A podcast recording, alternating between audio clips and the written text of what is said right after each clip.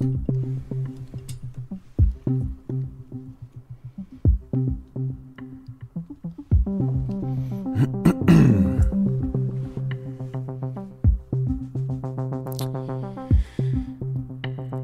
er der morgengymnastik til folket.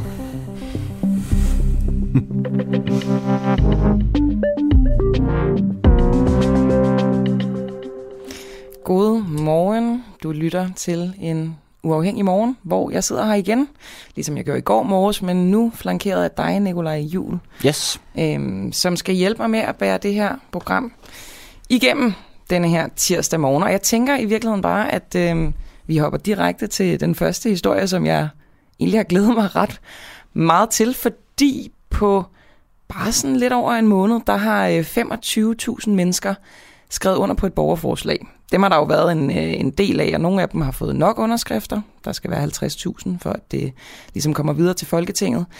Det her borgerforslag, det går simpelthen ud på, at øh, man vil stille et mistillidsvotum til Mette Frederiksen. Og øh, forslaget, det er blevet stillet af Isla Tusindstråle, øh, som vi faktisk har igennem allerede nu her til morgen. Godmorgen, Isla. Ja, godmorgen. Hvad, øh, hvad er det aller værste ved Mette Frederiksen? Ja, det er et rigtig godt spørgsmål, fordi der er mange svar på det spørgsmål. Men personligt synes jeg, at det værste ved Mette Frederiksen, det er, at hun har splittet befolkningen i to lejre. Der er dem, som har fulgt alle restriktioner, som er blevet vaccineret, øh, og så er der dem, som, som nægter at gøre det, fordi de ikke kan se en mening i det. Og de mennesker, som ikke har ønsket at blive vaccineret, eller følge nogle måske anbefalinger, som er meningsløse, de er blevet øh, udskammet af samfundet, af Mette Frederiksen i øh, åbent fjernsyn. De må ikke komme til deres familie til jul, de må ikke komme på universitet, de må ikke, de mister deres arbejde osv. Så der er blevet øh, skabt en stor splittelse, og det synes jeg, Mette Frederiksen er direkte ansvarlig for. Hun er direkte ansvarlig for, at de ikke må komme til juleaften, og de har mistet deres arbejde. Hvordan det? Ja, det synes jeg, fordi man har lavet nogle regler, der gør, at man bliver tvunget til at have et coronapas osv. osv. Øhm, og hun har i øh, til pressemøderne sagt, at vi er, fordi jeg er selv uvaccineret, at vi er en lille gruppe på 600.000 mennesker godt nok, meget uansvarlige mennesker, som øh, det er helt øh, legitimt at mobbe og udskamme. Vi har, vi har fået efter dit pressemøde, at vi begynder at få dødstrusle, for eksempel. Og du kan se, at det, det er ligesom direkte øh, i sammenhæng med det, Mette Frederiksen siger på pressemøderne. Det startede efter dit pressemøde, hvor hun sagde det her. Isla, kan du ikke lige fortælle en lille bitte smule om dig selv? Altså, øh, hvad laver du til daglig? Har du altid gået op i politik og så videre? Jeg har altid gået op i politik. Jeg er studerende, øh, men jeg synes, det er ret svært at fokusere på mit studie lige nu. For det første må jeg jo ikke komme på uni, så, øh, og for det andet, så synes jeg, at tabet af vores menneskerettigheder og vores frihed er meget vigtigere lige nu, end, øh, end at læse litteraturvidenskab. Du stiller så det her forslag tilbage i november måned, er det korrekt? Yes. Og hvad, kan du ikke lige forklare, hvad det indebærer? Jamen, jeg har en stor mistillid til Mette Frederiksen og hendes regering, og synes ikke, de er deres stilling værdig, og det er vi rigtig mange, der synes åbenbart. Øh, men vi kan jo så ikke, selvom de kalder sig folkevalgte, så kan vi jo ikke vælge dem fra. Øh, vi har ikke den mulighed. Så derfor beder vi Folketinget om at tage stilling til vores argumenter, og bedømme, om de ikke synes, det er på tide, at hun skal væk som statsminister. Um, og det, øh, det vil jeg gerne lige vende tilbage til, hvordan det her skal foregå sådan, øh, i, i praksis, men det er noget med, at jeres forslag det indebærer øh, sådan fem, fem årsager til, at I synes, der skal stilles det her mistillidsvotum. Kan du ikke lige øh, liste dem op? Ja, øhm, jeg ved ikke, om jeg sådan kan huske dem lige nu, men altså det første, det er jo øh, minkskandalen selvfølgelig. Det var der, det i hvert fald startede for mig. Øh, det vil jeg simpelthen ikke acceptere, selvom jeg absolut ikke går ind for dyrmishandling, men jeg går heller ikke ind for menneskemishandling, og det var det, det var. Øh, det var en Hvor, kan du lige menneskemishandling? Det er voldsom ja. øh, sprogbrug, ja, kan man sige. Faktisk, det synes jeg faktisk ikke. Det, der skete der, det var øh, kun en bananrepublik værdig. Det var en statsminister, der indsatte militæret mod egen befolkning. Ja. Øh, og, det var, og det var ovenikøbet ulovligt, og det vidste hun godt. Det var Det ulovligt, men øh, mishandling lige frem. Jamen, altså, hvordan vil du have det, hvis uh, der pludselig står militær foran din dør og tvang dig til at slå alle dine dyr ihjel, som dig, din, dig, din bedstemor, din mor og din bedstemor har afledt gennem generationer. Altså, øh, jeg, jeg har altså, ikke nogen dyr, så det er selvfølgelig et svært scenarie at tænke for mig. Altså, jeg har i hvert fald fået at vide efterfølgende, at flere af dem har begået selvmord. Ja, har du, er det noget, du har tal på? Nej, det har jeg ikke. Okay. Det har jeg ikke. Det er bare øhm, ting, jeg har hørt. Det er ting, du har hørt. Yes. Skal vi ikke uh, lige hoppe videre? Du har uh, minkskandalen som det første. Kan du huske nogle af de andre punkter? Yes, jamen der er jo den her udskamning uh, igen, uh, hvor hun kalder os en lille gruppe af uansvarlige danskere, fordi vi ikke vil have en uh, eksperimentel mRNA-indsprøjtning, mm. uh, hvor vi er, er jo rent faktisk er 600.000 danskere over 12 år, der har takket nej til det her såkaldte frivillige tilbud. Mm. Øh, hvad er de andre punkter? Øh. Der er noget med nogle sms'er, kan jeg se her i mine papirer. Nå, ja, øhm, selvfølgelig. Det er ja. jo i forlængelse af minkskandalen, men også i, i andre sammenhænge er e-mails, sms'er, dokumenter osv. blevet slettet øh, eller forsvundet, når de skulle bruges, og det er jo uhørt. Det er uværdigt, øh, at, man, at man konsekvent sletter bevismateriale, når det kan inkriminere statsministeren. Men det, man, kan, man skal lige huske, at der er ikke nogen konklusioner i Mink-sagen endnu, og dermed jo heller ikke konklusioner på, at det har været overlagt. Det er der ikke noget, der, der sådan, sådan peger på lige nu. Ja, men det var, ikke, øh, det var ikke kun i Mink-skandalen, vil jeg lige sige. Der er, det er sket flere gange, at dokumenter og e-mails osv. bare forsvinder og det, det, nu kan jeg høre, du insinuerer, at det er, det er overlagt, det her. Ja, nu, øhm, Ina Tusindstråle, eller Isla Tusindstråle, du er øh, som sagt stifter af det her borgerforslag øh, med, at øh, der skal stilles mistillidsvotum til statsminister Mette Frederiksen. Mm-hmm. Det er jo noget, altså et mistillidsvotum, det er jo noget, der kommer fra, øh, fra Folketingets medlemmer. I praksis, hjælp mig lige med at forstå, hvis øh, I får øh, 50.000 underskrifter på det her borgerforslag, hvad sker der så? Øh, hvis vi får 50.000 underskrifter, som jeg jo stærkt regner med, at vi gør, så skal det igennem Folketingets administration. Jeg ved ikke lige helt, hvad det er, de skal kigge på, for de har jo allerede godkendt det. Og så skal der vist være i hvert fald et medlem af Folketinget, som tager det op. Øhm, og det regner jeg jo også med, der vil være, fordi for eksempel Nye Borgerlige, de har allerede prøvet at stille et mistillidsvotum til Mette Frederiksen, hvor det bare faldt til jorden igen. Ikke? Og hvad er det så, jeg, at jeres øh, borgerforslag vil kunne ændre, kan man sige? Ja, der, der er vel ikke nogen forslag eller forskel fra, at Nye Borgerlige stiller det til, at øh, der kommer et borgerforslag, og så er der nogen, der stiller det igen? Nej, og det skal jo, altså det, det, er jo, det er jo ligesom noget, der kommer fra, fra Folketingets medlemmer, og det kan I vel ikke rigtig rykke på deres, hvad skal man sige, lyst til, om de vil stille det eller ej. Forstår du, hvor Nej. jeg vil hen? Det er jo, det er jo, Helt sikkert. Øhm, Helt sikkert. Og jeg regner jo heller ikke nødvendigvis med, at det bliver til noget, men det er slet ikke det, det handler om for mig. For mig handler det om at vise, at der er en mistillid i befolkningen overfor den regering, de har. Okay. Og det, og det skal der, altså det, jeg tænker bare, at det måske, øh, hvis det i praksis ligesom ikke kan, kan, kan gøre nogen forskel, så er det måske lidt meget arbejde for dig. Du siger, at øh, du i forvejen er ganske presset over alt det her.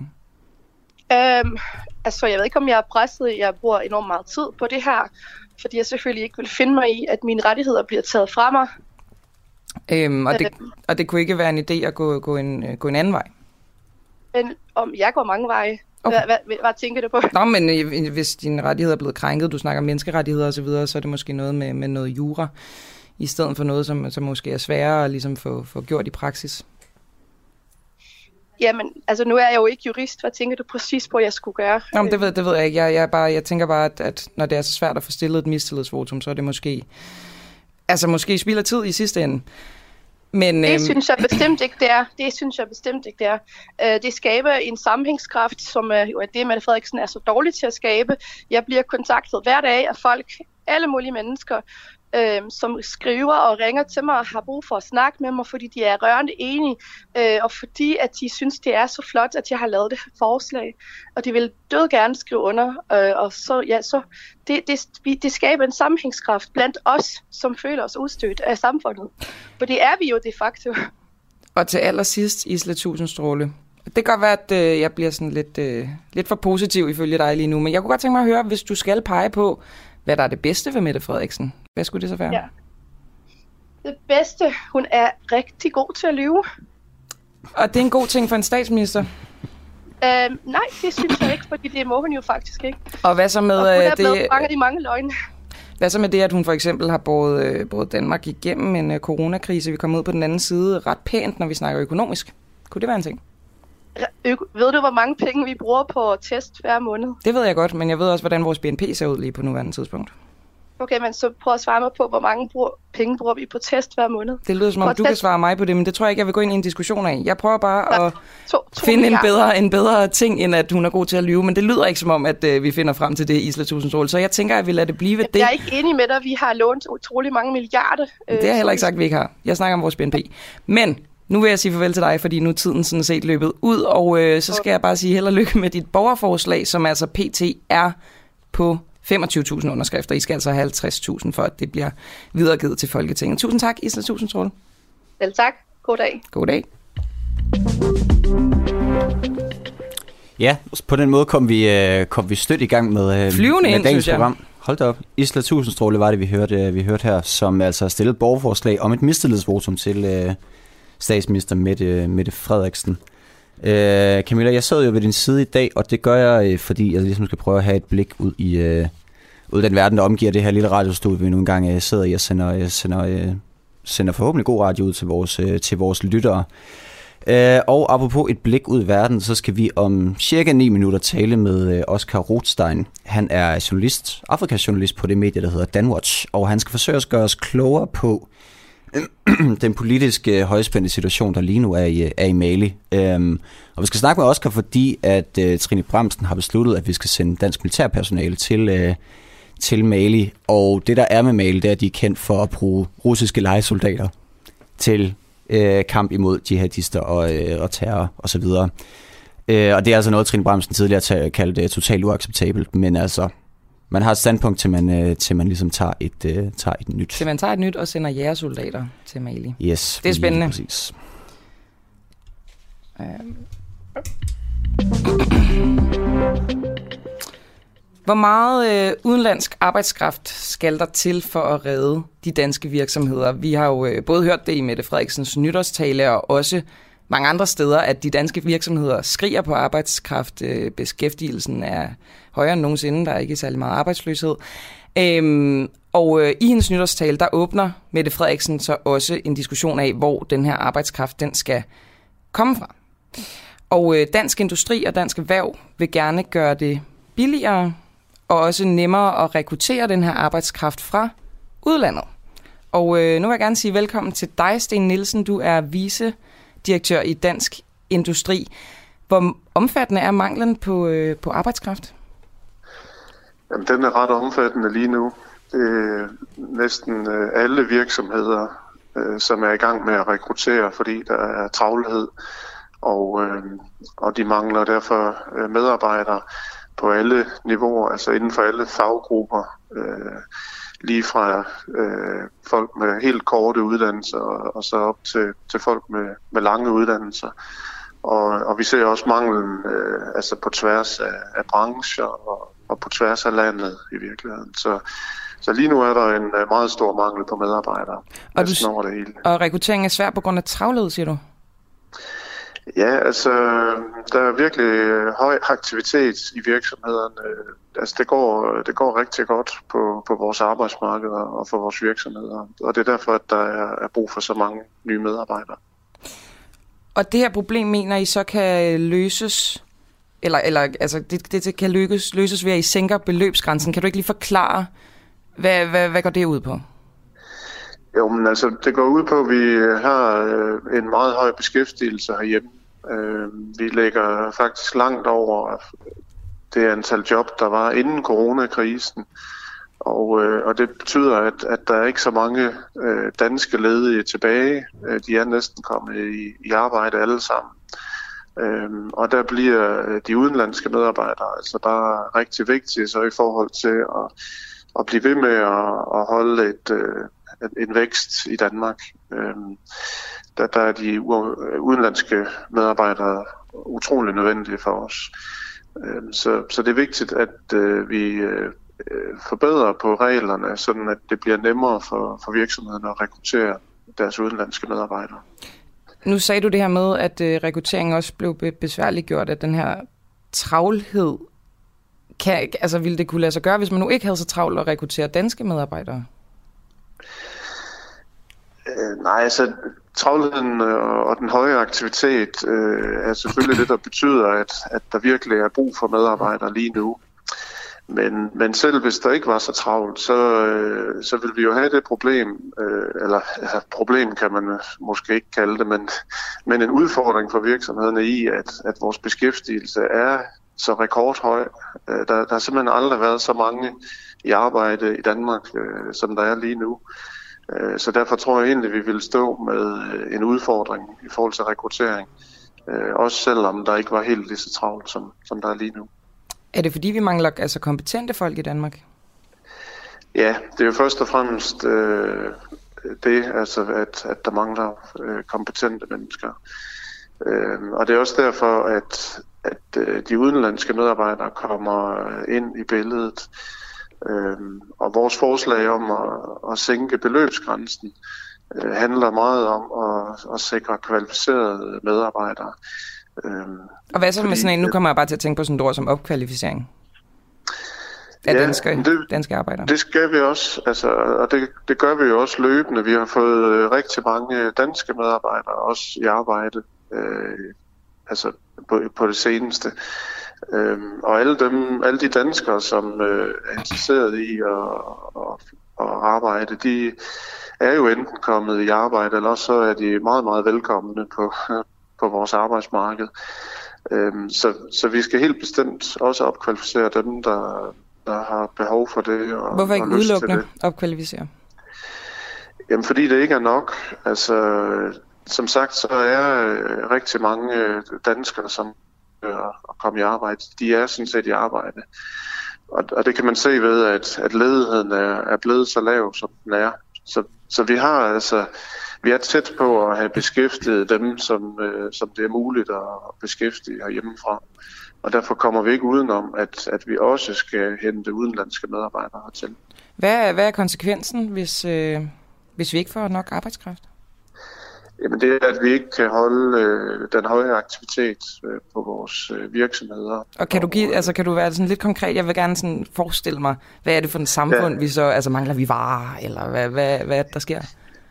Ja, vi mangler øh, varer, men, men vi mangler, Hvilke vi mangler slags varer? til at, at udføre opgaverne. Altså, hvis du for eksempel tager byggeriet, hvor man mangler murer og tømmer, jamen så, øh, så fører det jo til, at, at det er svært for byggevirksomhederne at, at følge med de øh, ordre, som, som vi gerne vil have udført som, som forbrugere.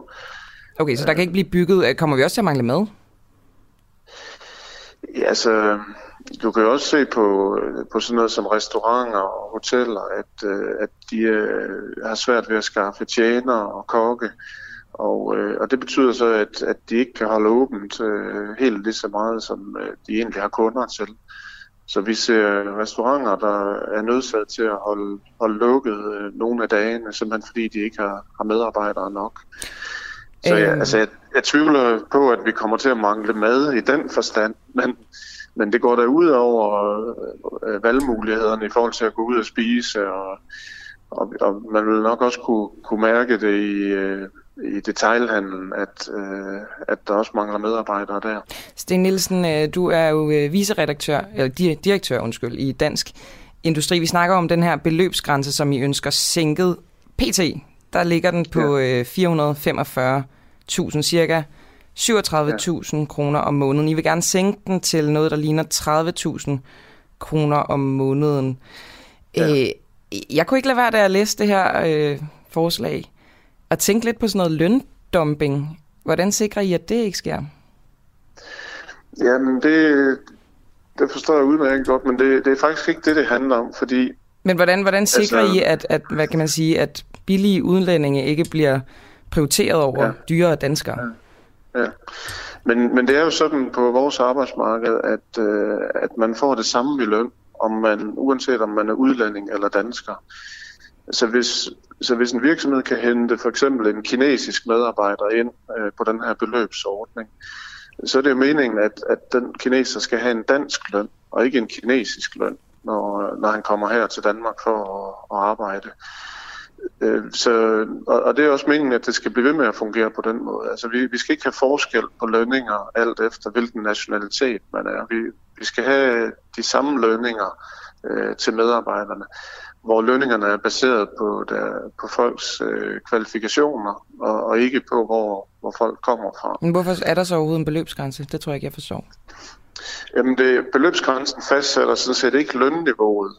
Øh, lønniveauet det bliver jo aftalt øh, for eksempel i vores overenskomster eller på lokale aftaler ude på virksomhederne.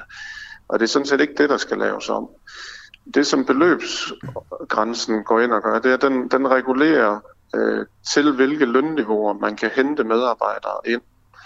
Og i dag, når den ligger på 445.000, så betyder det, at, at man kun kan hente øh, højtuddannede øh, ind på, øh, på beløbsordningen, altså for eksempel ingeniører og, og IT-folk. Øh, hvorimod man ikke kan hente elektrikere og smede og mekanikere ind, fordi de ligger lønmæssigt øh, lavere end, end de 445.000 på vores arbejdsmarked. Okay, så det er et spørgsmål så, om, hvilken slags arbejdskraft man kan hente fra udlandet? Lige præcis. Okay. Og, øh, og der, mangler, der mangler virkelig meget øh, de her faglærte øh, medarbejdere, altså elektrikere, smede og så videre.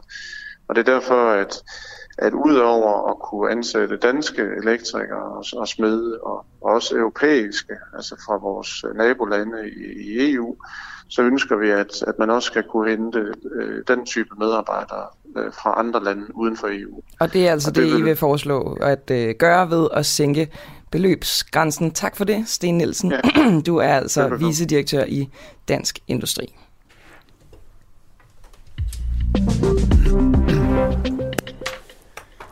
Så meget, øh, så meget klogere. Undskyld, jeg, jeg afbryder. Jeg vil, jeg, jeg vil egentlig bare sige, at øh, altså på bare 20 minutter har vi fået 53 kommentarer på, på Facebook. Det tror jeg faktisk er ny, øh, ny rekord. Folk, øh, folk har ildet tasterne ud, og det er jo, det er jo skønt, I gider, gider debattere dagens, øh, dagens emner. Det betyder ja. altså også, at du må gerne bryde ind med det, Nikolaj. Ja, det skal, jeg, det skal jeg nok. Det skal jeg nok. Og jeg skal selvfølgelig også lige opfordre til at holde en uh, nogenlunde sober tone i, i kommentarsporene. I det, det lyder øhm, spændende. Ja, Nå. lige præcis. Øhm, prøv at høre, jeg tænker, at øh, vi skal gå videre til det, som du har øh, teaset lidt for, Nikolaj, tidligere i dag. Øh, altså netop det her med, hvorfor vi sender danske jægersoldater til Mali, fordi i, øh, i den her uge, der sender vi 100 specialstyrker til Mali, hvor altså en, øh, en kubmager, en militærkubmager, fortsat sidder på magten efter det her militærkup, som der var i landet tilbage i øh, august i 2020. Øhm, og de her øh, danske specialstyrker, de kan altså, som du sagde, risikere at skulle kæmpe side om side med nogle øh, russiske lejesoldater. En lille smule kontroversielt, kunne man sige. Øh, det kan du forklare os mere om, Oscar Rothstein. Du er øh, Afrikajournalist på Danwatch. Jeg kunne godt tænke mig, at du lige gav os et overblik over, hvad situationen er i Mali lige nu. Ja, godmorgen. godmorgen. Den er, øhm, den er ekstremt øh, kaotisk og, øh, og faktisk værre, end den har været på noget tidspunkt siden 2013, hvor at, øh, den krig, de danske soldater skal ned og deltage i, begyndte. Øh, siden 2013 har der været øh, en række forskellige vestlige interventioner dernede. Danmark har været der af et par omgange i forskellige udgaver. Øh, Frankrig har 5.000 mand afsted øh, i det, der hedder Operation Barkhane. FN har en fredsbevarende mission dernede. Og, øh, og de forskellige internationale styrker sammen med øh, regeringsherren i Mali og i de, de fire andre Sahel-lande, øh, Chad, Mauritanien, Burkina Faso og Niger, de har alle sammen haft opgave og haft et ønske om at slå de her islamistiske terrorister ned. Øhm, og det er bare slet, slet ikke lykkedes. Tværtimod, så er det år, vi lige er gået ud af, øhm, det var det år i, i konflikten, som var det, det, det voldsomst faktisk. Altså flere og flere civile bliver dræbt, flere og flere kampe mellem øh, terrorister, separatister og regeringsherren, øh, og så også øh, de internationale styrker. Og, og generelt bare en forværret øh, sikkerhedssituation øh, og en, og en for, forværret humanitær krise. Okay, det lyder jo, øh, det lyder jo højspændt, øh, spændt Oscar. Godmorgen. Øhm, hvad tror du, eller hvad bliver de danske soldaters rolle i, øh, i den her konflikt i, i Mali? Pressemeddelelsen, der første omgang blev sendt ud om, om det her specialoperationsstyrke, øh, bidrag, øh, har en ordlyd, der hedder, at de danske styrker skal støtte, rådgive og ledsage øh, de mal, den maliske regeringshær.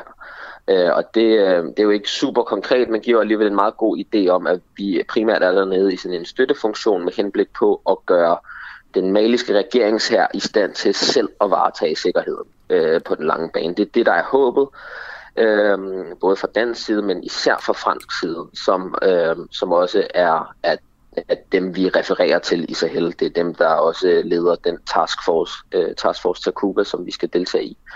Øh, og det er fordi franskmændene er den tidligere kolonimagt i området, det er dem, der har klart flest øh, både økonomiske og, og også kulturelle interesser på spil.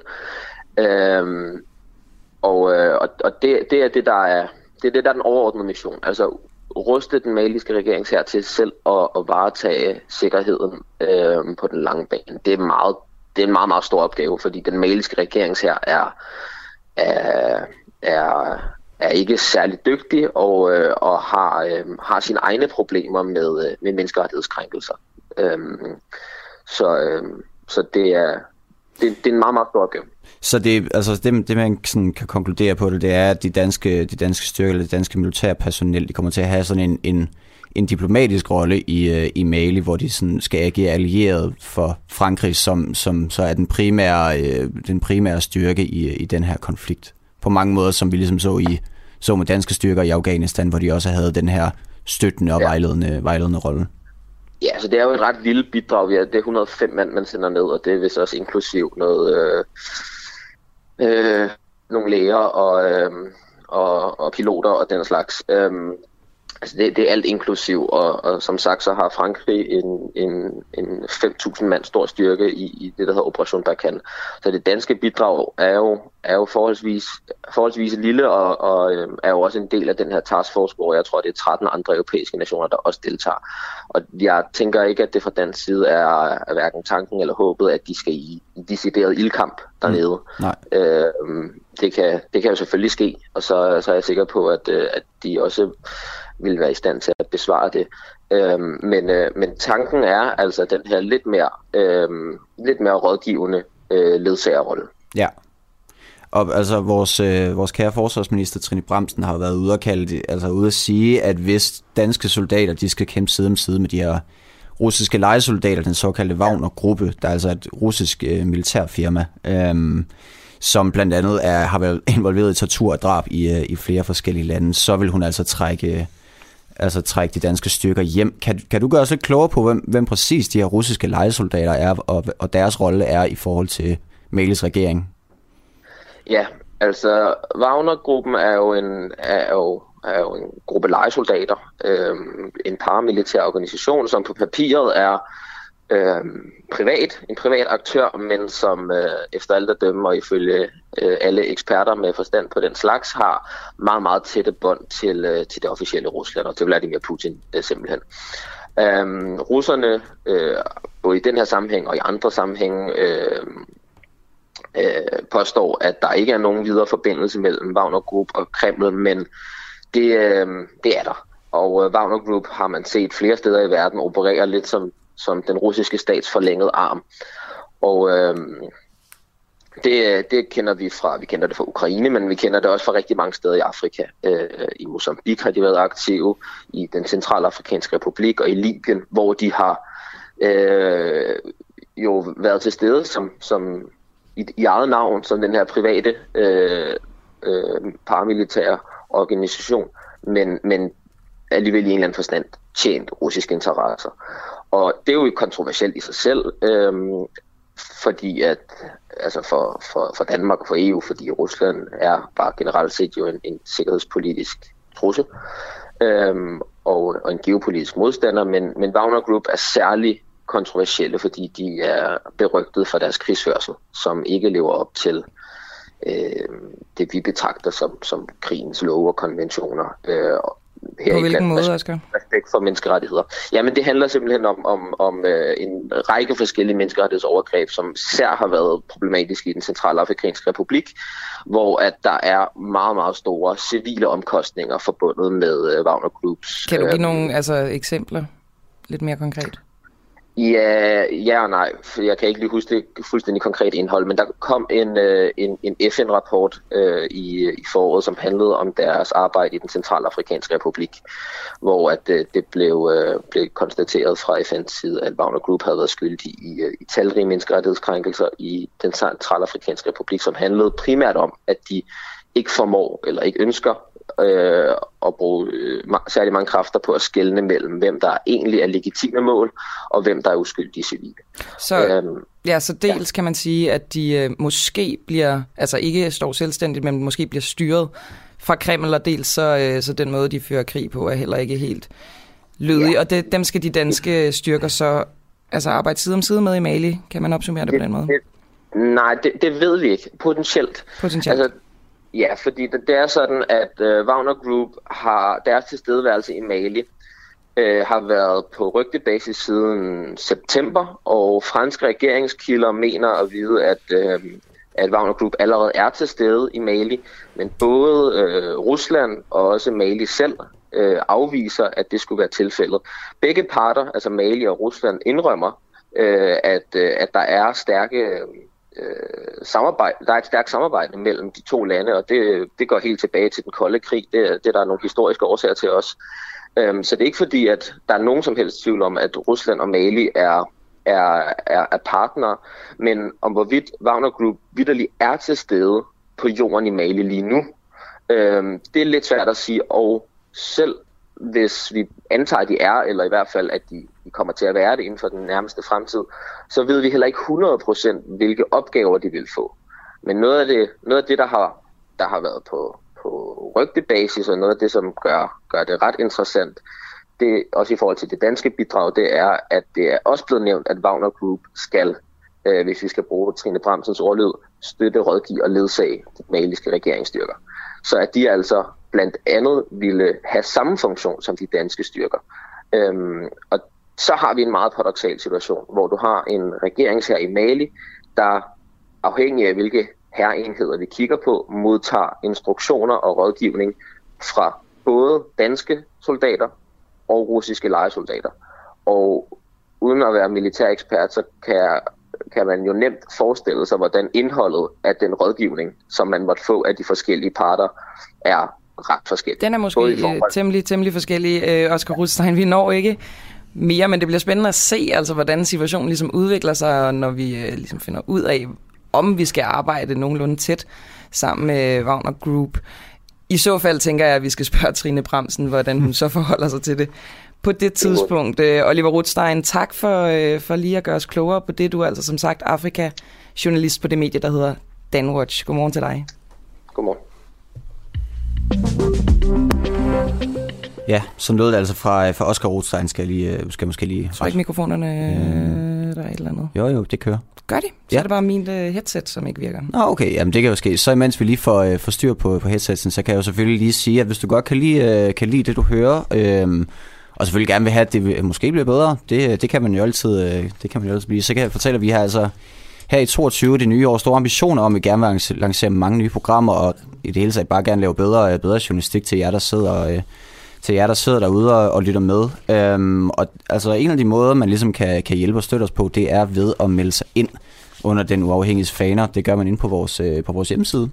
Og det koster 39 kroner i måneden, eller 349 kroner på, øh, for, et, øh, for et enkelt år, og så får man altså adgang til vores, øh, vores lukkede Facebook, øh, Facebook redaktionslokale, hvor man altså kan komme med, øh, komme med bud på, på historier, som vi skal tage op. Det sker jo ret ofte, at vi, øh, vi tager fat i de historier, der ligger derinde, og, og forsøger at ja, ligesom tage fat i, hvad vi synes, vores lyttere er interessant, og er interessant at lytte til. Det er jo ofte lyttere eller dem på gulvet, der har bedst føling med, hvad der sker ud i det ganske land. Så det, øhm... Ja, det er en meget smuk måde at lave journalistik på, synes jeg. Det er ja, første gang, at, der, at det har været sådan en interaktivt med lytterne. Det kan jeg godt lide. Præcis, og vi, jo, vi vil selvfølgelig gerne hele tiden, øh, hele tiden udvide, og øhm, Lige nu har vi omkring 4.000 øh, medlemmer, og vi skal selvfølgelig huske at rette en kæmpe stor tak til dem, der, øh, til dem, der allerede er medlem. Vi øh, vil selvfølgelig altid gerne have, have endnu flere medlemmer. Øhm, og det sker altså på duah.dk, eller så kan du sende en, øh, en sms til 1245, hvor du skriver UA. U for Uranus, A for, øh, for Allan, øhm, og så får du altså en besked, hvor du kan melde dig ind.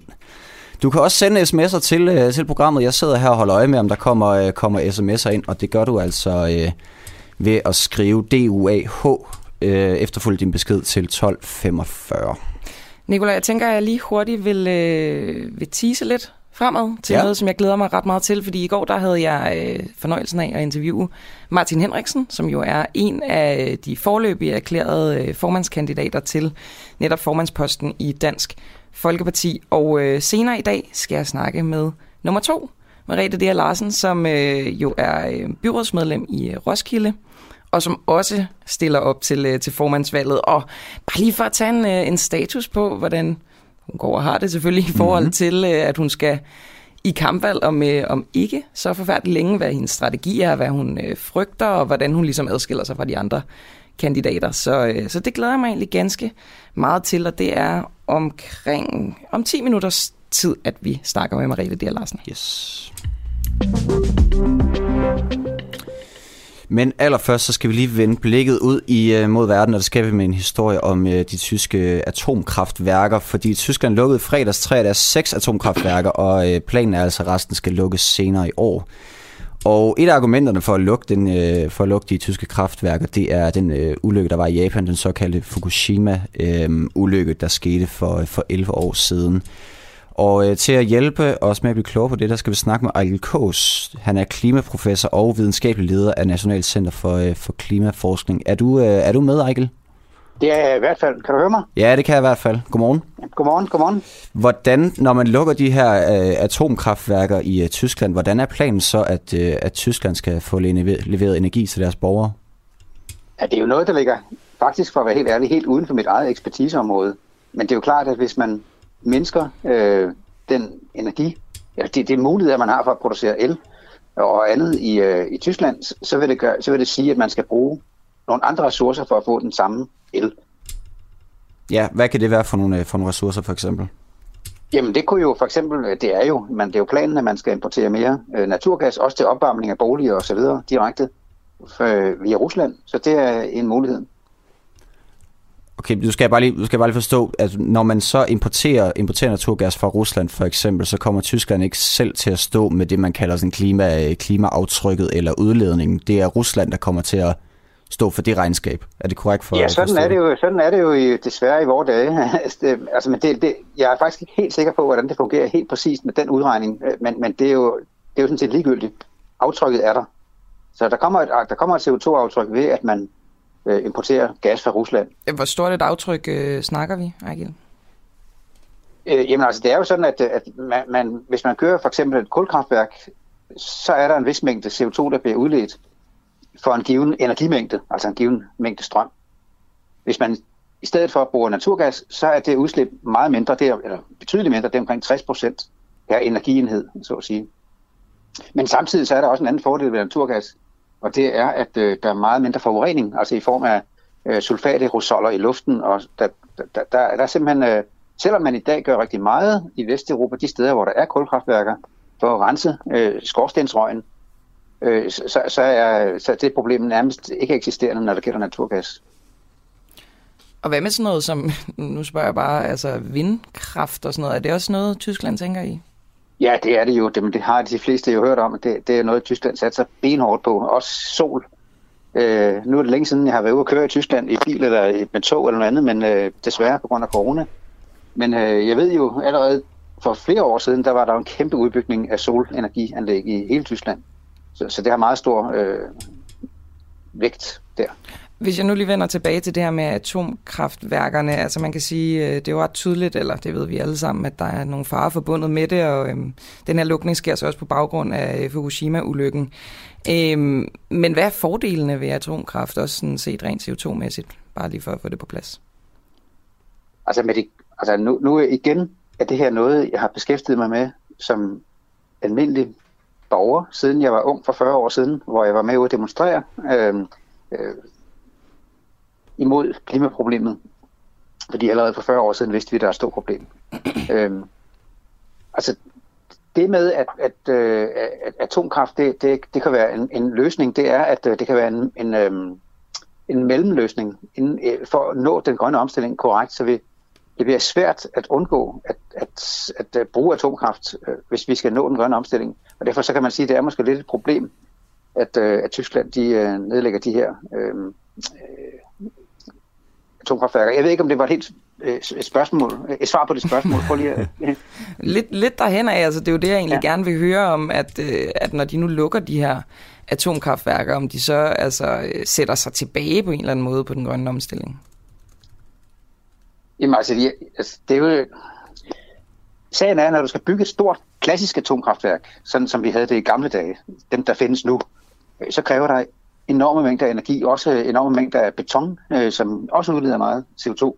Øh, øh, mens der er nogle nye teknologier på vej, det vi kalder tredje og fjerde generations atomkraft, som er fuldstændig anderledes. Så der skal man gentænke det fuldstændig. Man skal nulstille sin hjerne, hvis man har problemer med atomkraft, når man skal overveje de nye teknologier, for det er noget helt andet. Og de, de burde, som jeg ser det, som fysiker, være meget mere sikre. Så i virkeligheden kunne de også gå den vej, at de lukker deres gamle atomkraftværker, men laver anden og tredje generations atomkraftværker, så vil de ligesom... Ja, så er jeg sådan tredje og fjerde generations måske, men ja. Og det vil, det vil simpelthen være, være bedre for klimaet, men det er ikke det, de gør, de vil importere naturgas? Altså, jeg er ikke tysk politiker, og de har garanteret nogle strategier. Det plejer at være rimelig op på dupperne i Tyskland, så de, de har nogle strategier, som jeg ikke kender til. Men umiddelbart, når man lige ser det udefra, så virker det sådan lidt en hovsaløsning, fordi de atomkraftværker kører, og de kører, når de først er etableret, som de er nu, jo relativt CO2-neutralt. Så altså, hvis du som, øh, som, øh, som klimaprofessor skulle rådgive den tyske regering, hvad vil du så sige helt konkret, de skulle gøre? Jamen igen, altså jeg vil godt understrege, at jeg arbejder ikke med atomkraft som min forskningsdel, så det er nogle meget personlige betragtninger, det her. Øhm, efter et langt liv som fysiker og meteorolog og klimaforsker, så, så, så, så er det derfor noget meget personligt. Jeg mener, at det, jeg forstår ikke rigtig det, den beslutning. Og du øh, vil så, i stedet jeg, gøre hvad? Jeg vil, jeg, vil, jeg vil vente med at lukke dem ned, så vi var sikkerhed, så vi havde sikkerhed for, at vi havde tilstrækkelig øh, el øh, især nu her med den grønne omstilling, hvor, vi, hvor meget mere går over på elbiler, og meget andet skal køre på el. Øh, så så det, jeg forstår det ikke helt. Det så, så, så man kan sige, faren, altså de farer, der er ved atomkraftværker, de er ikke store nok til, at, øh, at man kan forsvare en lukning?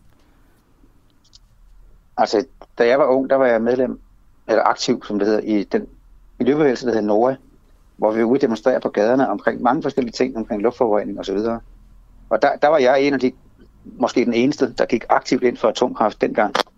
Øh, og det, det fik jeg mange håb for. Øh, det, gør det, gør jeg for det, gør, det gør jeg for så vidt stadig. Øh, men men øh, det er fordi, det simpelthen er en, øh, en, øh, et trinbræt, skal vi kalde det det, for at nå den grønne omstilling. Fordi det bliver meget, meget svært at nå de der halvanden eller to graders Paris-mål, hvis ikke vi har alle, alle ting i spil. Øh, det gælder selvfølgelig alle de ting, vi også har snakket om med øh, med opfangning af CO2, Carbon Capture Storage, CCS og mange andre ting. Men vi er nødt til simpelthen at have noget support øh, fra andre metoder, så vi er nødt til at bruge hele paletten af videnskab, vi har, og, og, og teknik. Og hvad kommer det, det her egentlig til at, at betyde for sådan den almindelige tysker nede på gaden? Jamen, det ved jeg slet ikke. Altså, det er ikke, det er ikke mit, det, det, det, det er helt uden for mit område. Altså, det, jeg siger bare, at øh, det vil betyde, at, øh, at, at at forsyningssikkerheden måske bliver mere usikker, fordi man er afhængig af russisk naturgas. Jeg ved ikke, hvor, hvor, hvor det er jo også politisk, som slet ikke er mit gebet, men det er stadigvæk noget, som man må overveje. Okay, Agil, øh, jeg tror, grunden til, vi, øh, Agil Kors, grunden til, at vi spørger, det er, fordi internationale eksperter har i et åbent brev til den tyske regering sagt, at lukningen uundgåeligt vil føre til 60, 60 millioner tons øget CO2-udledning. Så det er jo også mere spørgsmål om, hvad det, sådan, hvad det sådan kommer til at betyde for, for klimaet. Jamen det betyder, jamen, det giver sig selv, altså hvis du ser... Ja, ja det gør altså, det måske. Det er, jo klart, at, altså det er jo klart, at hvis du slipper mere CO2 ud, så, så vil det trykke vores øh, klima, altså vil det påvirke klimaaftrykket fra Tyskland. Øh, og, det, og det er meget, så, så, så jeg, igen, jeg forstår det ikke helt, fordi jeg betragter personligt, selvom der har været store, natur, øh, store, ikke natur, men store katastrofer i forbindelse med, med, med atomuheld, Tjernobyl og Fukushima, som jeg nævnte også tidligere i mange år siden i USA, mm. så, øh, øh, så, så, er det, så er det ting, jeg betragter som værende nogle meget store katastrofer lokalt, hvor det sker. Men hvis vi kigger og sammenligner med de katastrofer, der er på vej, i, og de, eller ikke katastrofer måske, men de konsekvenser, der er af global opvarmning, så, så er det en helt anden prisklasse, vi snakker om. Så det er faktisk en pris, der er værd at betale?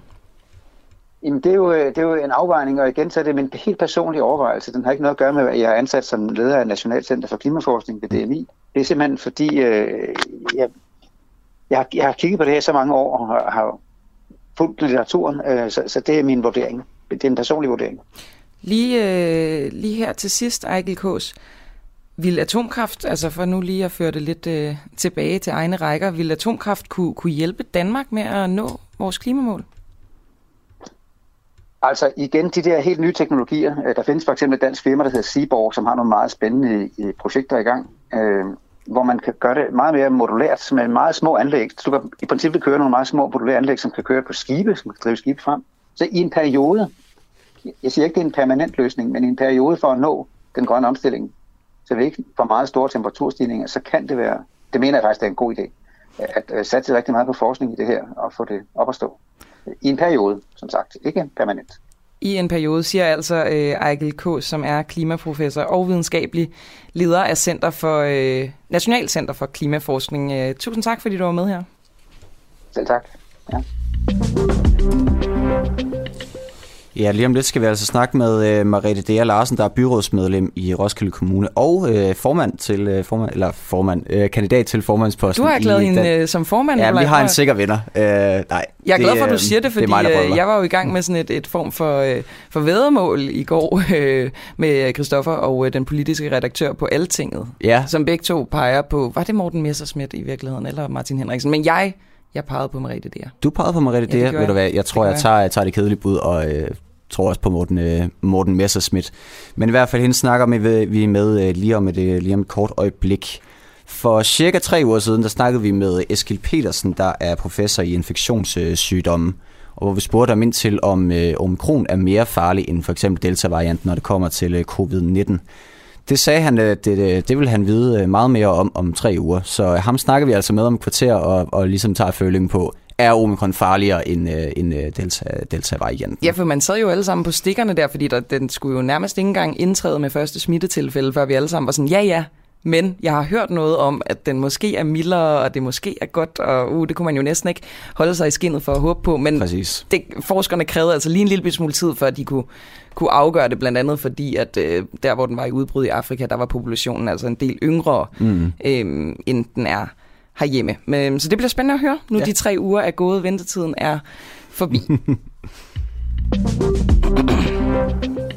Og så skal vi altså til det, til kampvalget. Jeg, jeg kan godt mærke, at jeg har det med at køre det her en lille bit smule op, fordi det jo både er spændende sådan øh, rent øh, politisk, men så også fordi det jo, lad os være ærlige, er ganske, ganske underholdende, at, øh, at der er det her formandsvalg i Dansk Folkeparti. Og en af dem, som, øh, som altså stiller op til formandsposten, det er dig, Merete D. Larsen. Du er byrådsmedlem i Roskilde Kommune og kandidat til formandsposten i DF. God.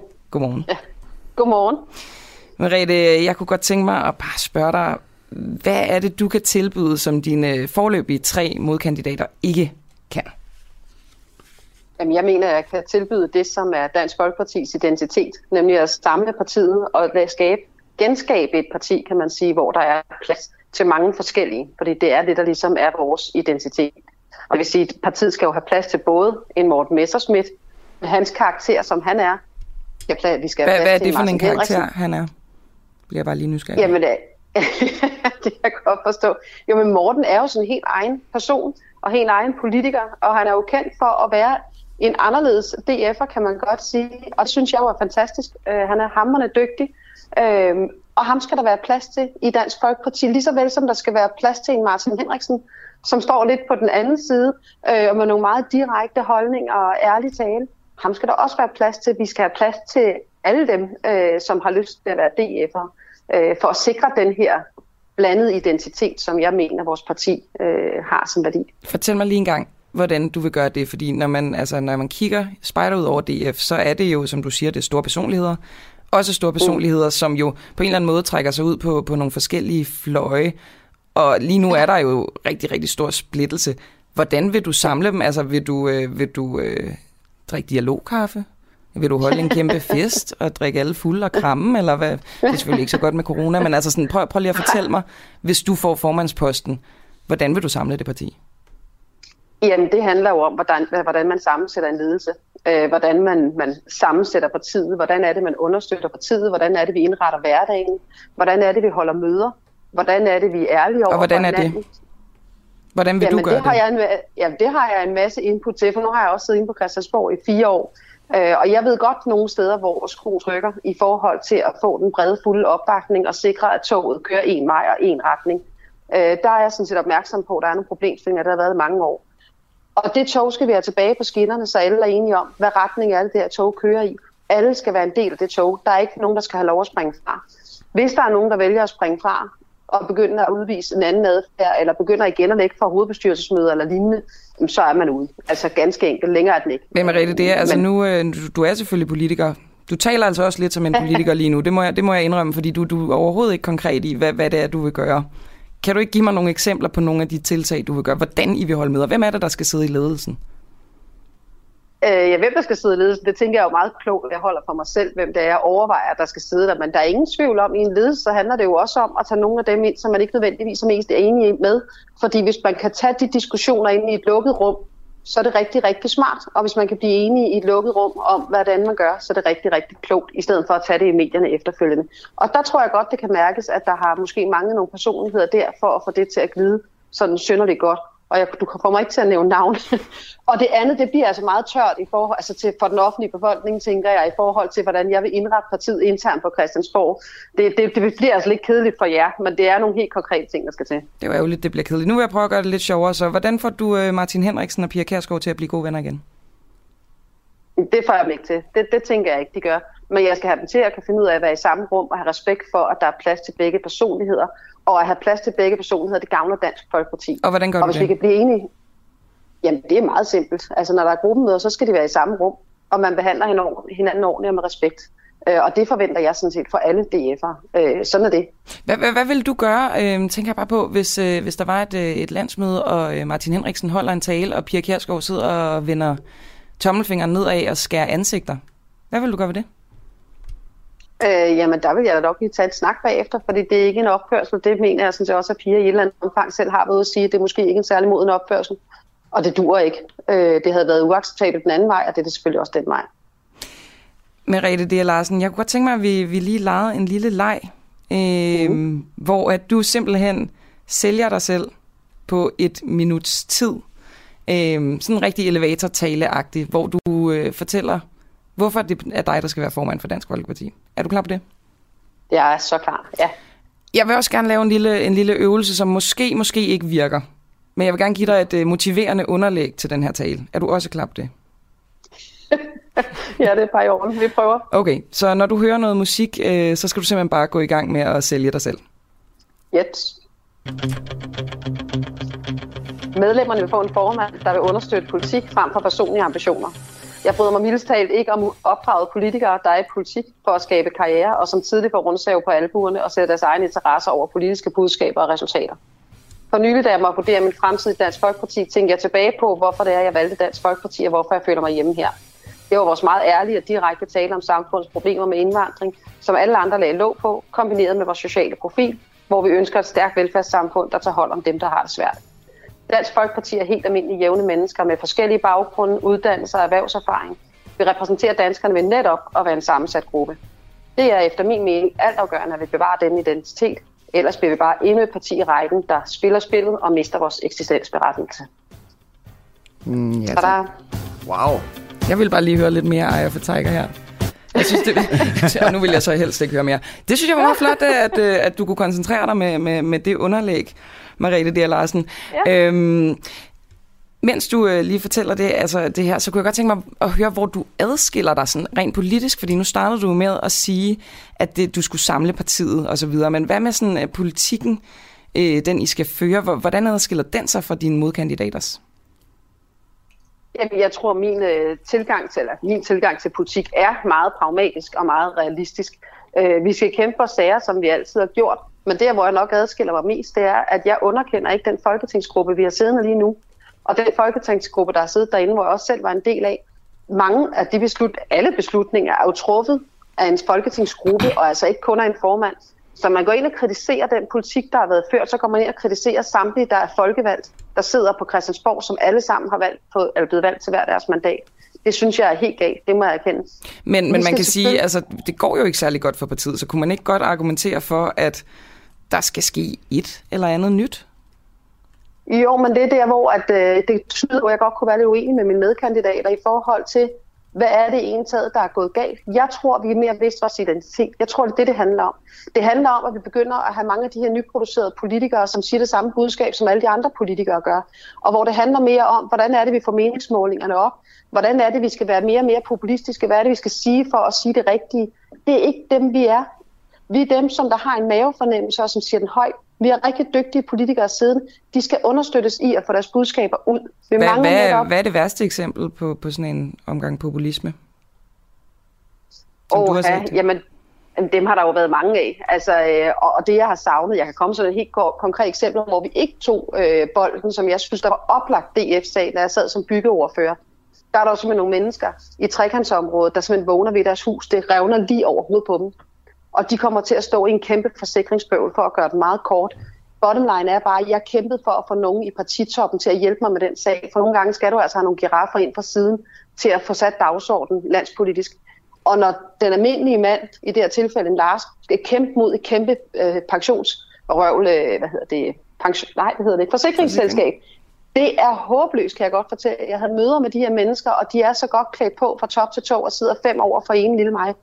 Men, Det men, er den slags sager, DF er kendt for at tage, at vi går ind og tager folkets øh, side, og skal kæmpes de her store slagkampe. men var det populisme, at, øh, at partiet på Christiansborg ikke ville tage, tage den sag? Nej, det handler om, at man ikke længere havde den evne til at spotte, hvad er det for nogle sager, det handler om, når vi er DF'er. Men, men hvad, hvad er det for nogle eksempler, der er på, at, at populismen har taget overhånd?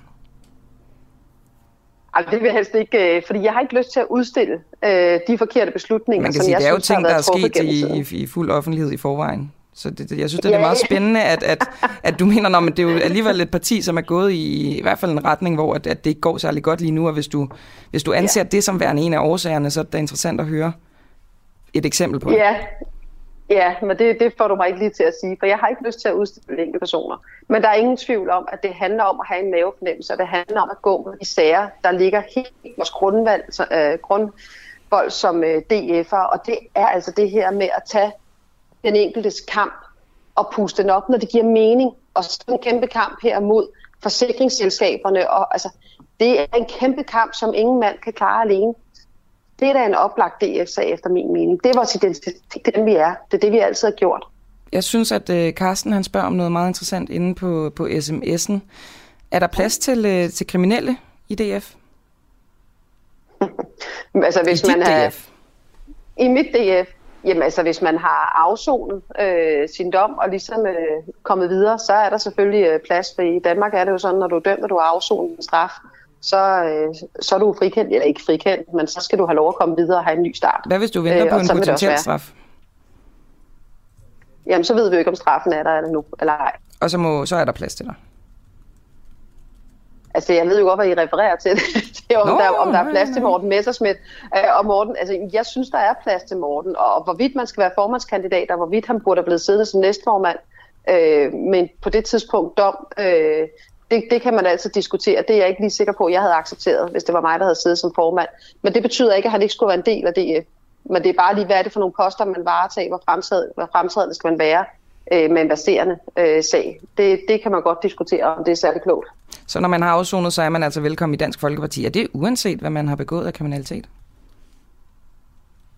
Øh, nej, det er det jo ikke. Altså, der, der vil nok altid være nogle domme, der er svære at komme udenom. Altså, hvis der er en pædofil, der har lyst til at komme og stille op, så har jeg svært ved at se, at vi, øh, vi kan tage det ind. Men hvis der har været en behandlingsdom, så kan man sige, så har man jo ret til at blive behandlet og komme videre, uanset hvad det er, man har, har gjort. Så hvis man har afsonet sin dom.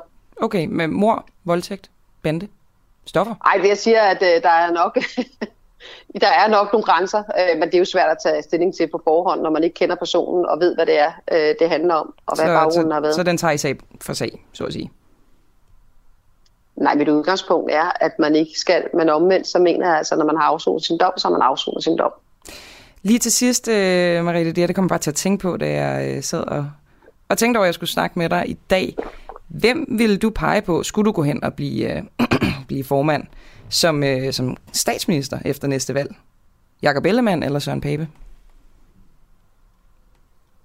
Jamen, det ved jeg ikke, om jeg er så klogt at udtale sig så firkantet om lige nu, men jeg kan da godt udtale, at jeg har stor sympati for Søren Pape. Jeg synes, han gør det godt. Han er en af dem, som jeg også mener, vi selv er, der kommer udefra, og som ikke er opdraget politikere, og derfor også kommer med noget andet hjerteblod. Øhm, det kan jeg sådan set godt lide.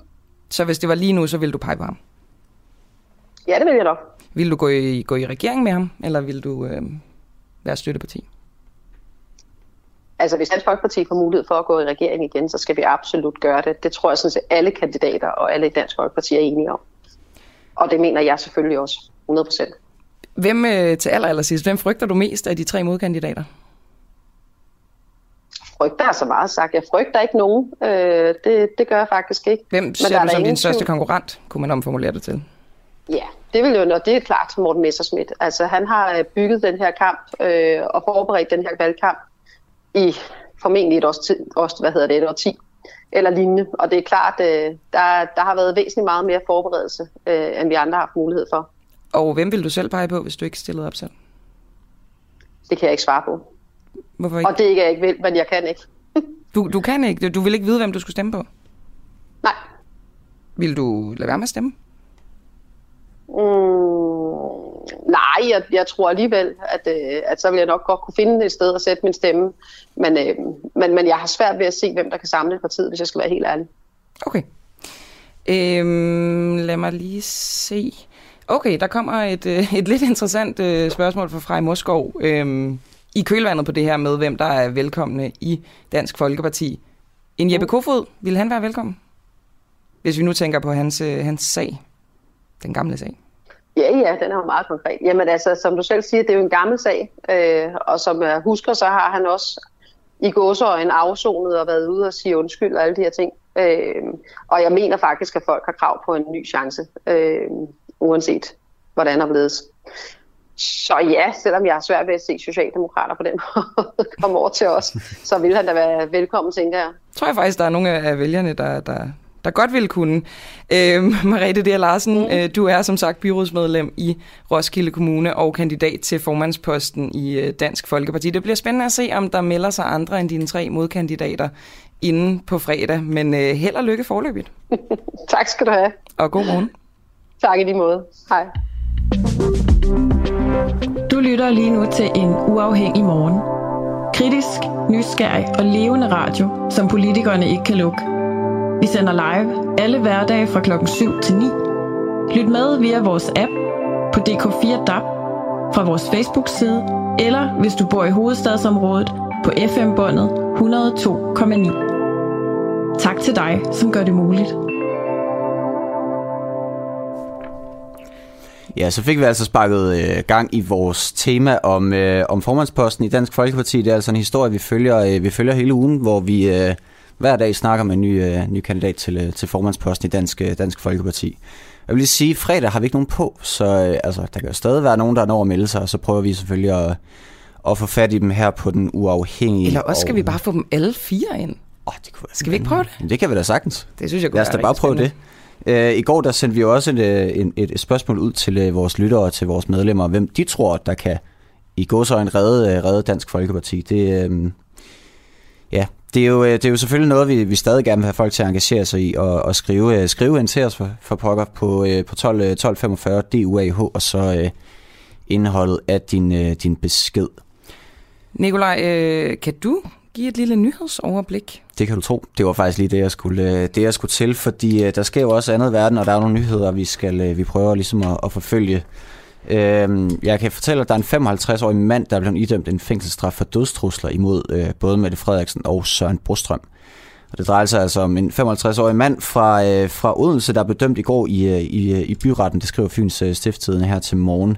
Truslerne de er i seks øh, videoer, der er rettet mod statsministeren, direktør i Sundhedsstyrelsen, Søren Brostrøm, landets testpoder, sygeplejersker, pædagoger, en præst, ansatte ved Kriminalforsorgen og flere, øh, flere politikere. Øh, og man har, øh, kan jeg fortælle tidligere, fået fire måneders ubetinget fængsel for trusler mod den odensianske rødmand Susanne Crowley fra Radikale Venstre.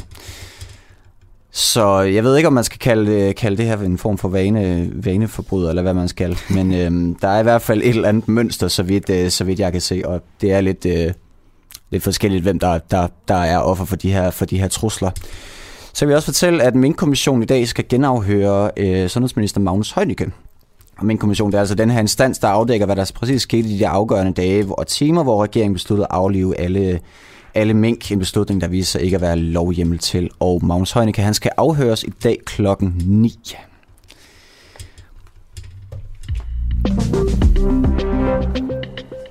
Og så skal vi, som øh, vi talte lidt tidligere om, til øh, at finde ud af, om øh, omikron-varianten er øh, mere eller mindre farlig end, øh, end tidligere varianter, fordi det har der jo været en, øh, en del altså, spekulation øh, omkring lige siden den ligesom øh, ja, muterede og indtrådte øh, i hele verden, men også på den, på den danske scene. Man kan sige, at smittetallene de er, jo, øh, de er jo højere end nogensinde. Det har vi set hen over øh, jul og nytår.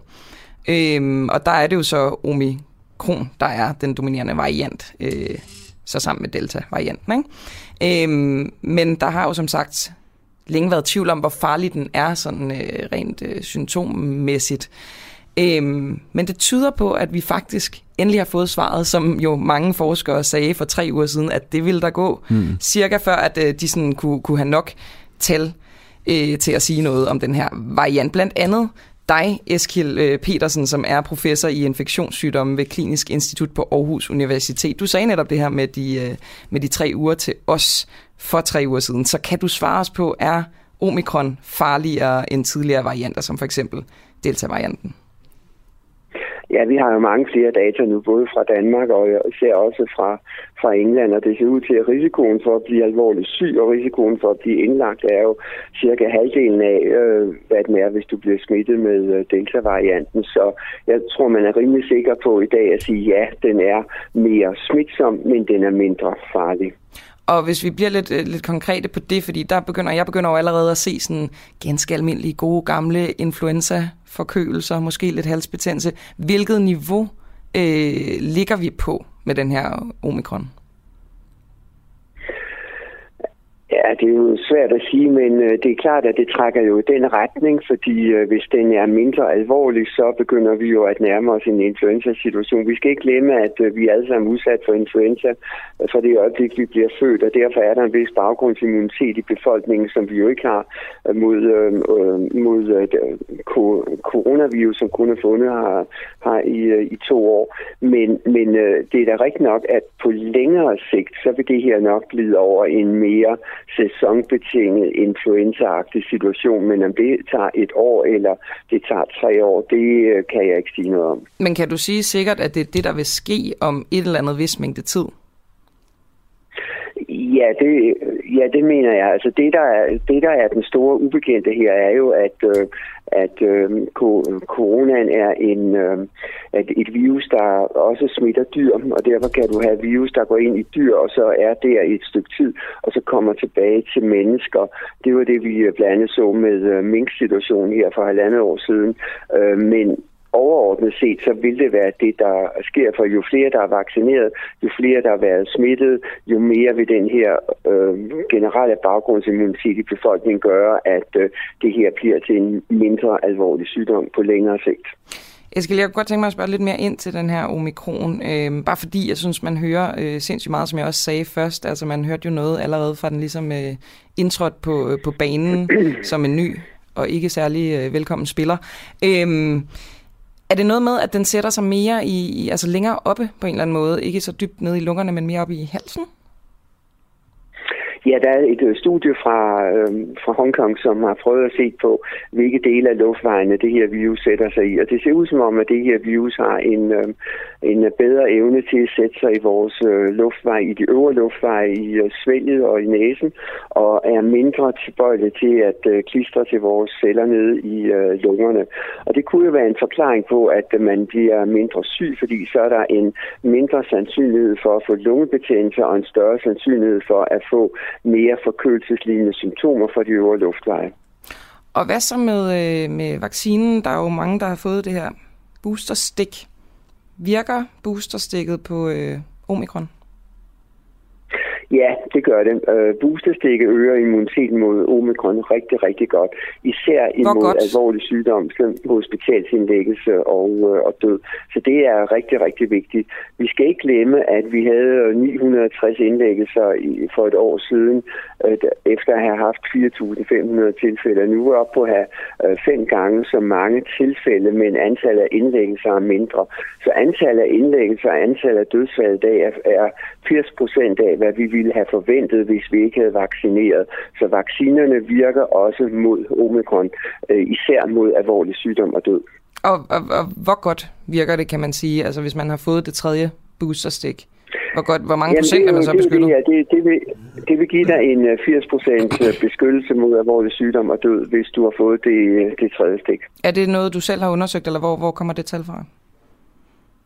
Men det, øh, det er jo studier rundt omkring, og det er jo øh, de tal, som øh, vi ser, at vi har her fra Danmark, at øh, når folk er immuniseret, at så får du mange færre indlæggelser i forhold til et højt tal. Så det, øh, det er vel accepteret. Der skete jo noget øh, ret interessant i, øh, i går, synes jeg, fordi at øh, Statens Serum Institut gik ud og sagde, at de spår, at vi har styr på pandemien inden for to måneder, fordi omikron den smitter så meget, er det ifølge dig, øh, vil det være muligt at opnå flokimmunitet igennem omikron? Altså kan den være en, øh, en form for blessing på den måde?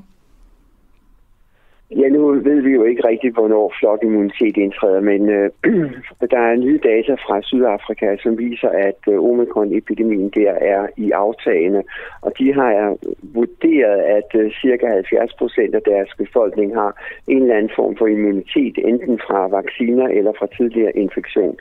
Og øh, nu må vi se, hvad, øh, hvad der sker her i Danmark. Vi har jo haft tre superspredningsbegivenheder, øh, som perler på en snor juleaften, nytårsaften, og nu kommer skoleåbningen. Og hvis der ikke sker en stor øh, stigning i øh, smittetallene inden for de næste 10 dage efter skoleåbningen, så, så tror jeg, at vi er nået toppen her i, øh, i foråret.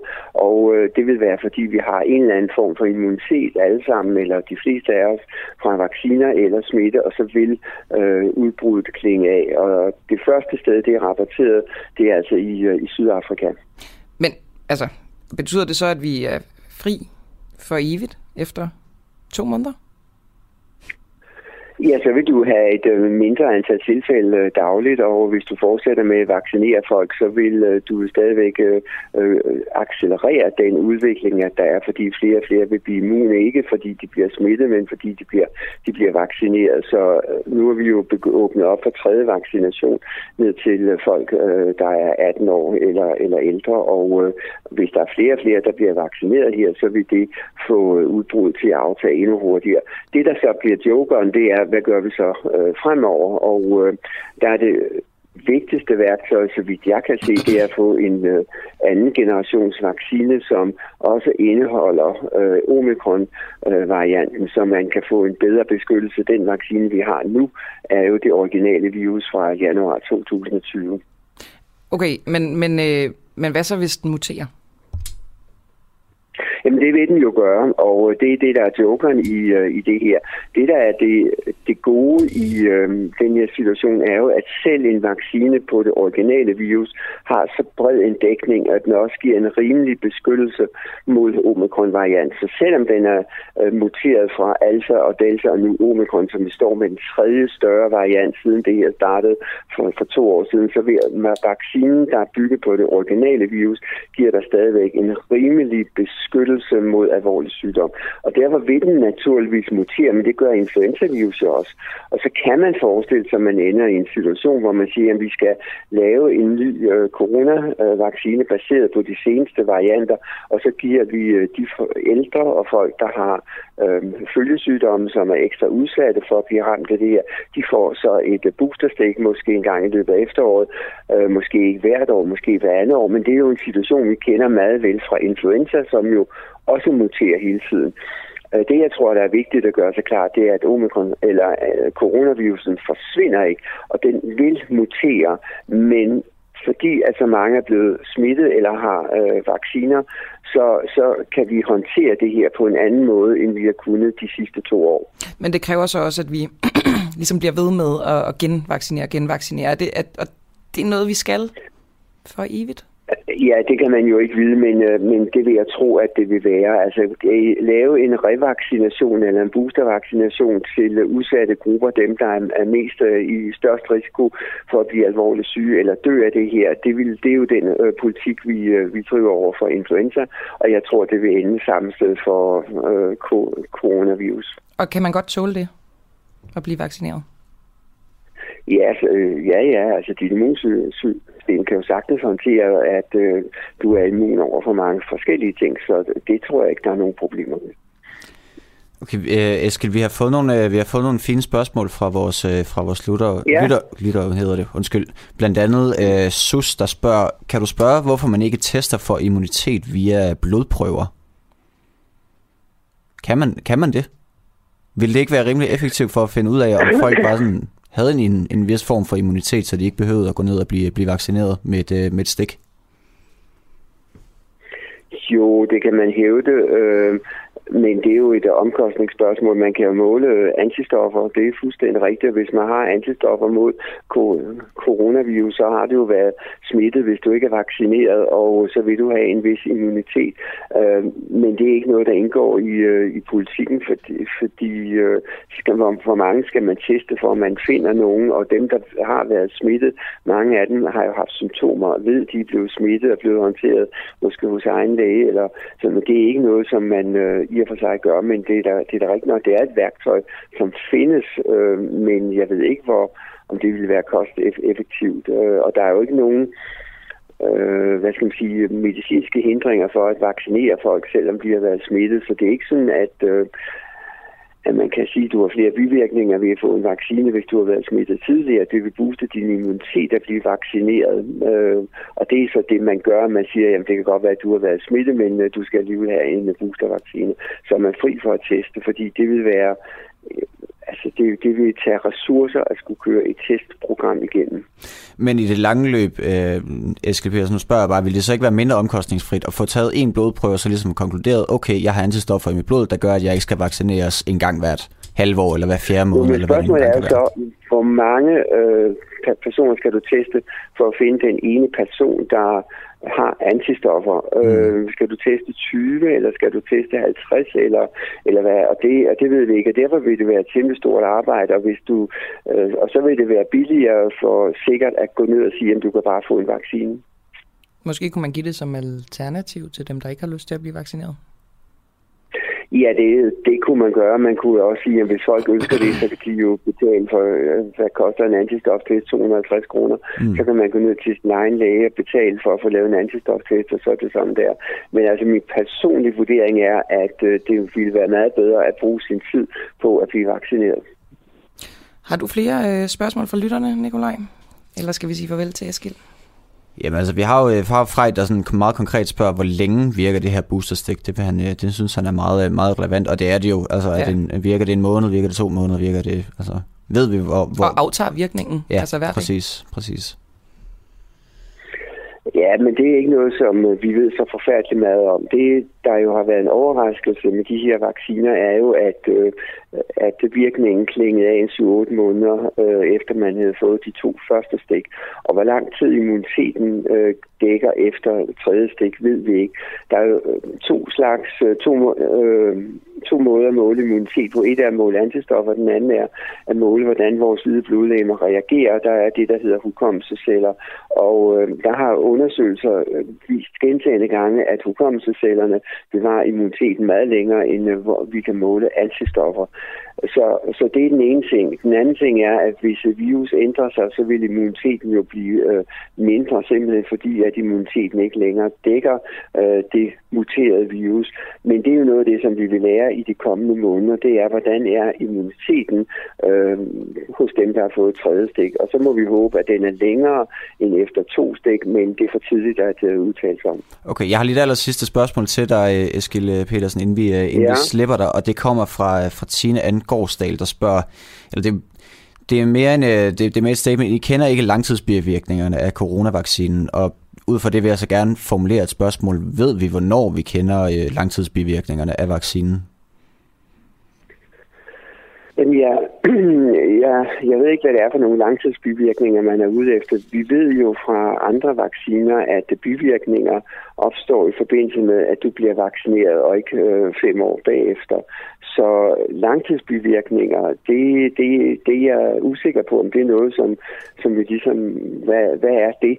Mm. Øh, vi, vi har jo, den måde, man undersøger bivirkninger på, er jo, at øh, hvis man er blevet vaccineret, og man mener, man får nogle symptomer, som skyldes vaccinen, så kontakter man den øh, læge, som man har givet vaccinen, øh, eller sygeplejerske, og så vil vedkommende sørge for, at der bliver indgivet en, øh, en anmeldelse til Lægemiddelstyrelsen, så vi har fuldstændig styr på øh, de alvorlige bivirkninger, som kommer.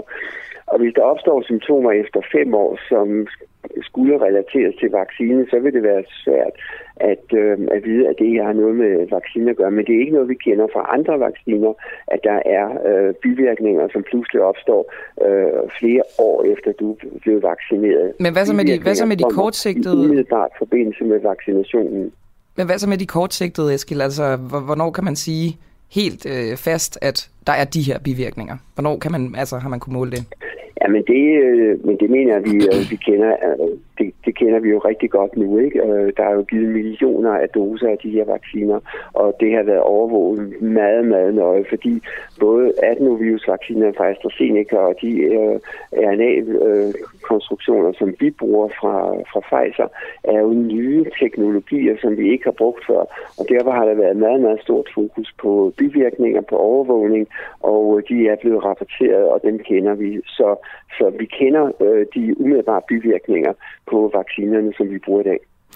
Således øh, gjort klogere af Eskil øh, Petersen, professor i infektionssygdomme ved Klinisk Institut på Aarhus Universitet. Tusind tak, Eskil.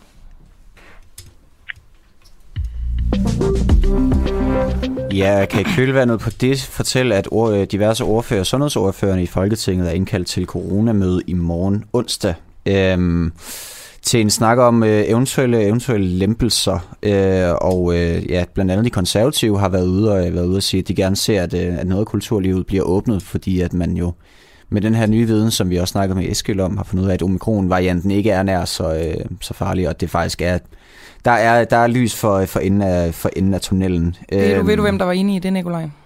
Hvem der var enig med det? Ja, ja de det, i konservativ? Nej, eller, nej, med konservativ. Jamen, det var, det var den gode Pernille Vermund fra, fra Nye Borgerlige. Der var også en til. Var det det? Ja. Hvem? Uffe Elbæk, selvfølgelig. Frigården. Uffe. Uffe, selvfølgelig er han øh, ops på kulturlivet. Ja, lige præcis. Og øh, så kan jeg så også videre fortælle, at om cirka kvarters tid, der skal vi snakke med Henning Bøje Hansen, som er chefkonsulent i BDO Danmark. Og øh, vi skal snakke med ham om øh, skatteforvaltning og de mange, mange penge, vi kaster efter, øh, efter øh, skatte, Skattestyrelsen og øh, skatte, ja, Skatteforvaltning, som jeg lige, som jeg lige fortalte, fordi øh, Skatteministeriet de planlægger nemlig at bruge knap 10 milliarder kroner på skattevæsenet i 2022, og øh, ja, det er en ny, en ny rekord for, øh, for udgifter i Skattestyrelsen, og det, øh, ja, jeg glæder mig meget til at snakke med, øh, til at vi skal snakke med Henning Bøje, øh, Henning Bøje Hansen. Jeg tænker, nej, jeg håber, at der må være en, øh, en form for mening med det. Det krydser jeg, det krydser jeg stærkt fingre for. Det er altså om ja, lidt over 20 minutters tid, faktisk. Og nu skal vi så vende tilbage til, til noget, som vi snakkede om tidligere på morgenen, Nikolaj, nemlig det her med, at dansk industri øh, gerne vil have, at beløbsgrænsen for, hvad udlændinge skal tjene, når de opholder sig i Danmark, øh, skal sænkes. Øhm, ligesom for at få, få mere arbejdskraft øh, til Danmark, som vi jo øh, har og får stor, stor mangel på. Og den her, øh, den her beløbsgrænse skal altså sænkes således, at øh, man kan få andre faggrupper ind end bare højt uddannede. Øhm, men det er altså ikke alle politiske partier, som mener, at øh, den her sænkning den er, øh, den er nødvendig. Blandt andet øh, dig, Jette Gottlieb, du er øh, arbejdsmarkedsordfører for Enhedslisten og imod en sænkelse af beløbsgrænsen. Jeg kunne godt tænke mig at spørge dig, mangler de danske virksomheder arbejdskraft? Øh, det er muligt. Det tror jeg, der er nogen, der gør. Øh, men der er også ledige hænder parat til at tage arbejde. Det kræver bare en vis oplæring, fordi det ikke er arbejdskraft, der mangler, det er kvalifikationer. Og det skal virksomheden bidrage med at få sat i værk. Du siger, du, du, du tror, de mangler arbejdskraft. Du er arbejdsmarkedsordfører. Ved du det ikke? øh, sagen er, at øh, det er meget svært at måle, hvor meget arbejdskraft der faktisk øh, mangler, fordi det er jo meget nemt at slå et job op og så ikke besætte det. Så, hvorfor, hvorfor skulle man gøre det? Jeg ville foreslå, at, øh, at der er nogen, der gik i, altså virkelig igennem, hvad det egentlig er for nogle arbejdskraft, der mangler. For det kan jo ikke være rigtigt, at vi samtidig har øh, de her 65.000 unge, som hverken har uddannelse eller, eller arbejde, og det, samtidig med, at vi også har ældre, der ikke kan få arbejde, hvis de er blevet over 53, og sådan nogle ting. Altså spørgsmålet er, hvad, hvad det er, arbejdsgiverne sorterer efter. Så, så de her, det her med, at øh, for eksempel dansk industri går ud og siger, at der mangler arbejdskraft, det er noget, de bare hiver ud et vist sted fra, eller hvordan skal jeg forstå det? Nej, det siger jeg ikke. Jeg siger, at de sikkert slår nogle stillinger op, men jeg siger også, at de måske skulle overveje, at arbejdskraft er ikke noget, der hænger på træerne. Det er noget, man øh, bidrager til øh, kvalifikationerne for, og det vil sige, at man skal ansætte nogle folk, for eksempel nogle unge mennesker, som ikke har fået nogen uddannelse, og så skal man give dem en uddannelse. Altså, der er stadig 8-9.000, der ikke har fået læreplads, som gerne vil have det, og så videre, og så videre. Så der er rigtig mange ting, som arbejdsgiverne kan gøre for at bruge de ledige hænder, der findes i Danmark i øjeblikket. Så, så for ligesom at, at, at opsummere det, du mener ikke, at vi skal hente fra udlandet. Du mener, at vi skal kvalificere den, øh, den arbejdskraft, vi har herhjemme ja. til for eksempel, ja. og, øh, altså fordi konsekvensen af, at vi mangler, øh, hvis vi bliver ved med at mangle arbejdskraft, det er jo det her med, øh, som de fortalte fra Dansk Industri, at der, så kan vi ikke få bygget og hoteller og restauranter og måske også nogle, nogle noget varer mangel nogle tekstiler osv. Det er en øhm, fantastisk indsigt, som øh, dansk industri der har fået, at for at få lavet nogle produkter, så er der nogle arbejdere, der skal lave arbejdet. Ja, det er, det er, jo, det er, jo, øh, det er jo vildt, øh, at, at nå frem til den konklusion. Men, men, men prøv en gang, det jeg egentlig ville frem til, det var jo, at det er jo allerede nu, at vi mangler arbejdskraft. Du snakker om, at vi skal kvalificere den danske, ja. altså de danske, de danske arbejdsløse det vil jo, det vil jo tage noget tid, Jette Gottlieb. Hvad, hvad, hvad gør vi her nu? Jeg siger, at så er der noget, man kan nævne, der hedder rettidig omhu. Og jeg mener, vi har haft ledige lærlinge, der søgt lærepladser i hvert fald i de sidste 10 år. Så jeg mener, manglende omhu i rettidighed, det kunne have været, der, der kunne have været nogle løsninger. Men nej, man kan ikke Men lave det, en... Det har der jo så ikke været, så vi bliver ligesom nødt til at forholde os til, til nutiden, så ja. at sige, ikke? Og så må de lave sidemandsoplæring til de funktioner, de kan det med. Det vil sige øh, uddanne undervejs, eller hvordan overledes? Ja. Så, så i virkeligheden, altså man kunne jo i princippet hente kvalificeret arbejdskraft fra udlandet, men du mener så, at vi øh, ligesom skal øh, lægge skinnerne, eller dem, der skal, skal få de her stillinger, som de egentlig ikke er uddannet til, de skal lægge skinnerne undervejs. Det er jo ja. alt andet lige så mindre kvalificeret arbejdskraft, vi får i sidste ende det, uh, det, må, så må, det må de leve med, fordi de ikke har haft den rettidige omhu. Uh, og, og der er bestemt muligheder. Altså, jeg mener, det er en enestående situation. Vi har en højkonjunktur. Det havde vi også i 2008. Pludselig bræst boblen, og så blev der smidt 100.000 vis på gaden, uh, fordi de så blev fyret. Ikke? Uh, det er den omhu og den øh, langsigtede tænkning, som øh, virksomhederne er nødt til at tage del i. Er det staten, der skal betale for opkvalificeringen, eller er det øh, virksomheden selv? Ja, der er så mange uddannelsesmuligheder, som kan foregå samtidig med, at folk er på, på arbejdsmarkedet, og i øvrigt også, mens de er arbejdsløse. Og det er, altså uddannelse i Danmark er generelt gratis.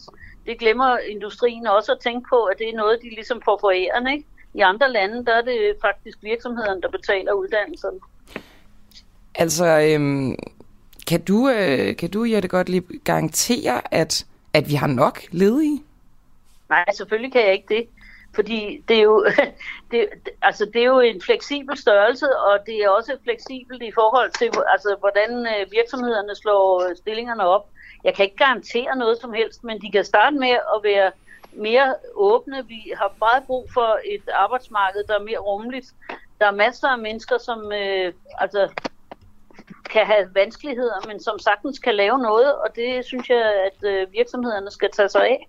Så lad os nu sige, at ledighedsprocenten kom, kom ned på at være reduceret til simpelthen dem, der ikke kunne varetage et arbejde. Vil du så genoverveje ja. det her med beløbsgrænsen? Vil enhedslisten genoverveje det? Altså, øh, jeg kan ikke se nogen grund til det, men øh, hvis vi kommer i en situation, hvor der ikke er en eneste ledig, som gerne vil have arbejdet som, øh, og kan arbejde, som, øh, som øh, kan ansætte, så, så må man jo kigge på det. Men det kan jo også være, at man skal overveje, om, man skal, øh, om der er nogle ting, vi laver, som vi ikke skal bruge arbejdskraft på. Hvad, hvad kunne det være? Jamen altså, så er vi jo inde i en helt anden form for diskussion, men altså, der, der bliver der lavet meget overflødigt arbejde her og der. Kan, kan du give et eksempel på det? Det synes jeg lyder spændende. Våbenproduktion. Våbenproduktion, ja. Det er et klassisk eksempel.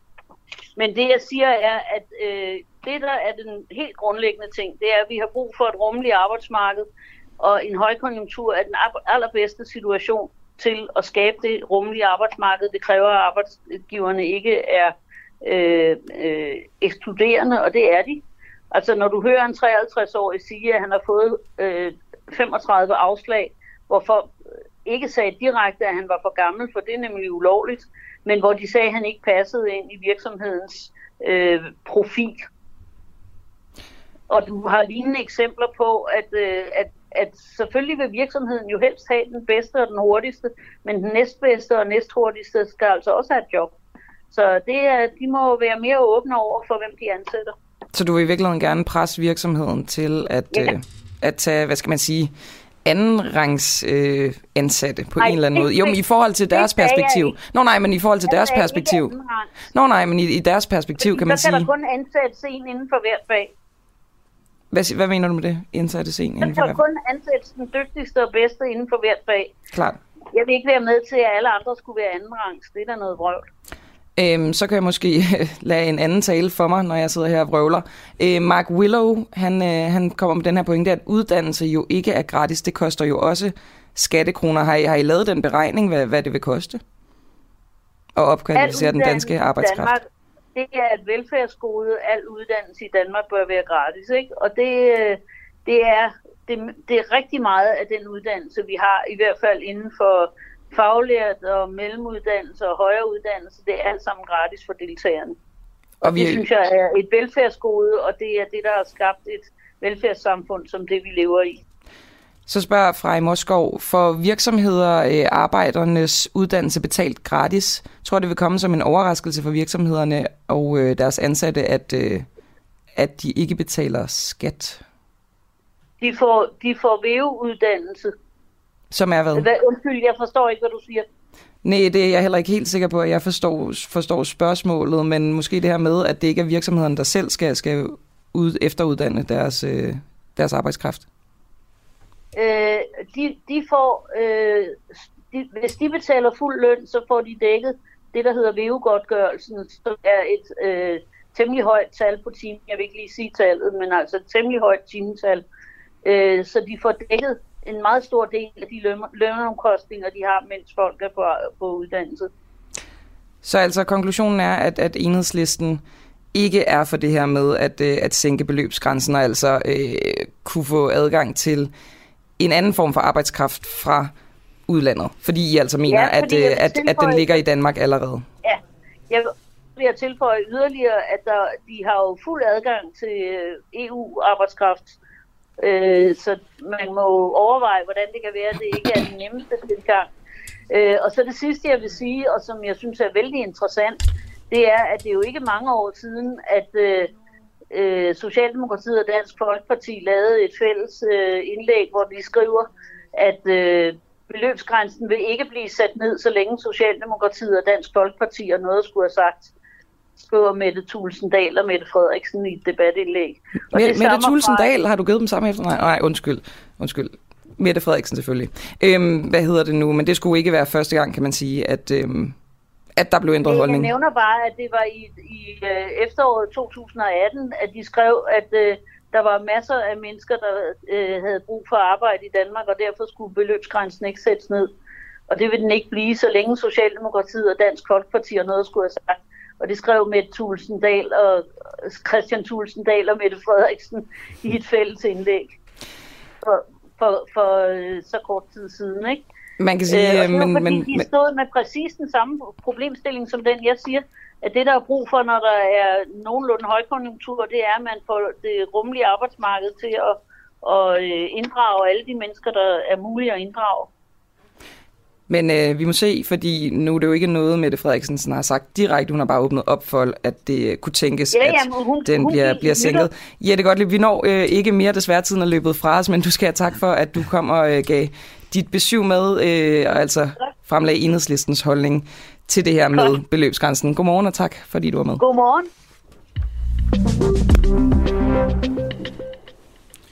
Ja, Camilla, øh, lige før der fik jeg jo øh, teaset for, at vi skulle snakke med Henning Bøje Hansen, men øh, det bliver altså først lige om, øh, lige om et øh, kort øjeblik. Jeg kan lige hurtigt øh, nævne, at øh, klokken den er blevet 8.34, og klokken iler imod, øh, imod klokken 9, og vi har jo stadig, et, øh, ja, vi har stadig en, del, øh, en del spændende kilder, der skal, øh, der skal på. Øh, lige om lidt, der skal vi snakke med Bente Philipsen. Og det er, altså, det er en historie, som jeg har, som jeg har støvet frem fra videnskab, øh, videnskab.dk.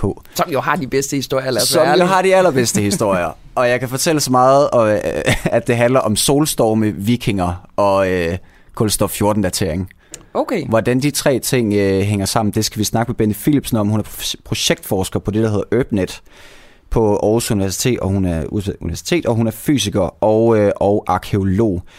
Fordi et nyt forskningsstudie fra Aarhus Universitet konkluderer nemlig, at vikingetiden slet ikke blev kickstartet med sejladser til det fjerne østen, som man før i tiden har troet, men derimod med sejladser til vores nordiske nabolande. Og det har de blandt andet fundet ud af ved ny brug af den såkaldte kulstof 14-datering, som jeg fortalte om lige før, hvor man blandt andet øh, altså undersøger det her kosmiske fænomen, der hedder, der hedder solstorme. Benny Philipsen, øh, godmorgen. Godmorgen. Allerførst, hvad kan et kosmisk fænomen som solstorme hjælpe en vikingforsker med? Det, som øh, solstorme kan gøre, de er, de kan sætte et, en datostempel på nogle af de lag eller de ting, vi udgraver. Og det lyder jo lidt mærkeligt, men øh, det er sådan, at en gang imellem, så er der sådan nogle solstorme. I har måske hørt om det, når der er lige knas på satellitforbindelserne. Mm. Men øh, nogle gange, så bliver de ret voldsomme. Og så øh, rammer jordens atmosfære, at de er ramt af partikler fra solen. Um, og de, de, altså, de kommer med stor energi, så de kan danne kulstofjorden. Og det der kulstofjorden, det bliver så optaget i planter, for eksempel i træer. Og så kan man bagefter måle det i træringene. Så er der altså et enkelt træring, hvor der lige pludselig er en meget stor koncentration af kulstofjorden. Og det skyldes altså sådan en solstorm.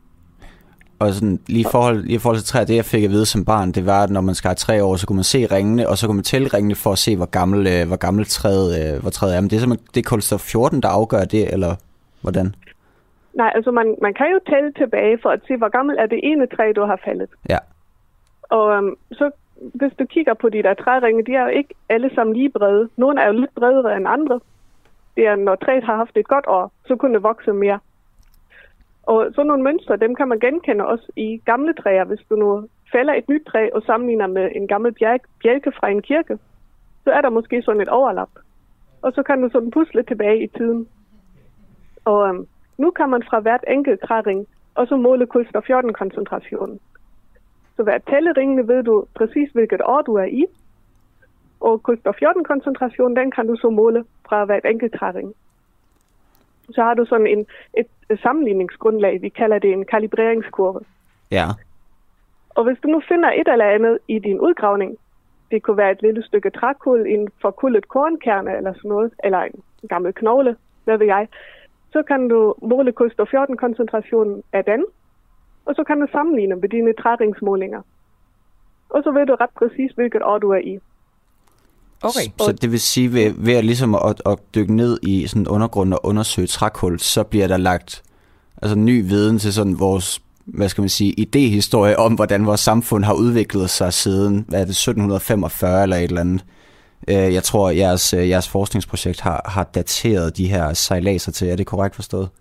Uh, nej, ikke helt. vi, Super. er, vi er læng- længere tilbage i tiden. Altså, det, det, start, det starter allerede i år 750. Øhm, vi har 750. Ja. ja. Så øhm, det er altså et godt stykke tid siden. Vi har haft sådan en forskningsudgravning i Ribe. Der var vi ret heldige, at vi kunne udgrave en, en lille bygrund midt i Ribe. Og øhm, have brugt 14 måneder på det og grave helt øh, små detaljer frem. Så vi har sådan en lagserie, øhm, hvor vi kan se, at omkring år 750, så kommer der importvarer fra Norge. Og så i år 775, så er Mhm. der en solstorm. Og nu kunne vi altså identificere det, der er guldlag, hvor vi har solstorm. Så vi ved meget præcist, hvad der er før 775, og hvad der er efter.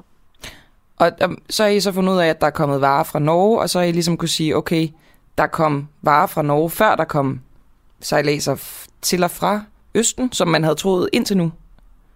Ja, altså de der sejladser eller handelsnetværk med øhm, Mellemøsten, dem har man anset som den klassiske start på vikingetiden. Altså sammen med nogle andre fænomener, som øh, for eksempel overfald på klostre og sådan noget. Ja, det hører, har vi Øhm, hørt om, ja. Ja, eller, eller sådan lidt mere lokale ting, som der er en ny stil af, øhm, af smykker eller sådan noget. Men øhm, det ser altså ud til, at øh, man starter med sejladser over til Norge, og det, det kræver allerede ret store skibe, og øh, de har jo sejlet øh, ikke kun småting, de har måske endda haft øh, øh, jern med, det ved vi ikke, men vi kan se, at de har haft øh, vassesten, altså til at slibe knive med, eller også øh, rensdyrtak til at lave kamme af. Så de, de er altså kommet frem og tilbage med ret store skibe allerede øh, årtier, inden der var handelsnetværk med Mellemøsten. Og før der er man gået ud fra, at det, det er sådan en øh, udvikling, øhm, når det islamiske rige bliver dannet, og der kommer store mængder sølv fra Mellemøsten, at det sådan sætter skub i, ja, man kunne måske kalde det de første spæde start på en globalisering af, af handlen i, i Europa og Asien. Men de var altså startet lidt før. Det, er- altså, det, jeg synes, det er helt fantastisk, men, men jeg har jo sådan en idehistorisk interesse for det her. Øh, Bente Philipsen, kan du sådan kort lige til allersidst forklare, hvordan kan vi bruge det her, altså ja, den her nye, nye øh, ja, måde at bruge kulstof 14-datering på, hvordan kan vi bruge det fremadrettet i forskning? Vi kan bruge det til at finde ud af ting, som ikke står i historiebøgerne. Altså vi kan finde ud af, hvad, hvad lavede almindelige mennesker, hvor man kun finder efterladenskaber i udgravninger. Altså mennesker, som ikke bliver nævnt i, øh, i historiebøgerne. Og øhm, også om regioner, hvor der ikke er en, en tradition for et skriftsprog eller en historieskrivning. Og så kan vi sammenligne udviklingen i forskellige regioner med hinanden.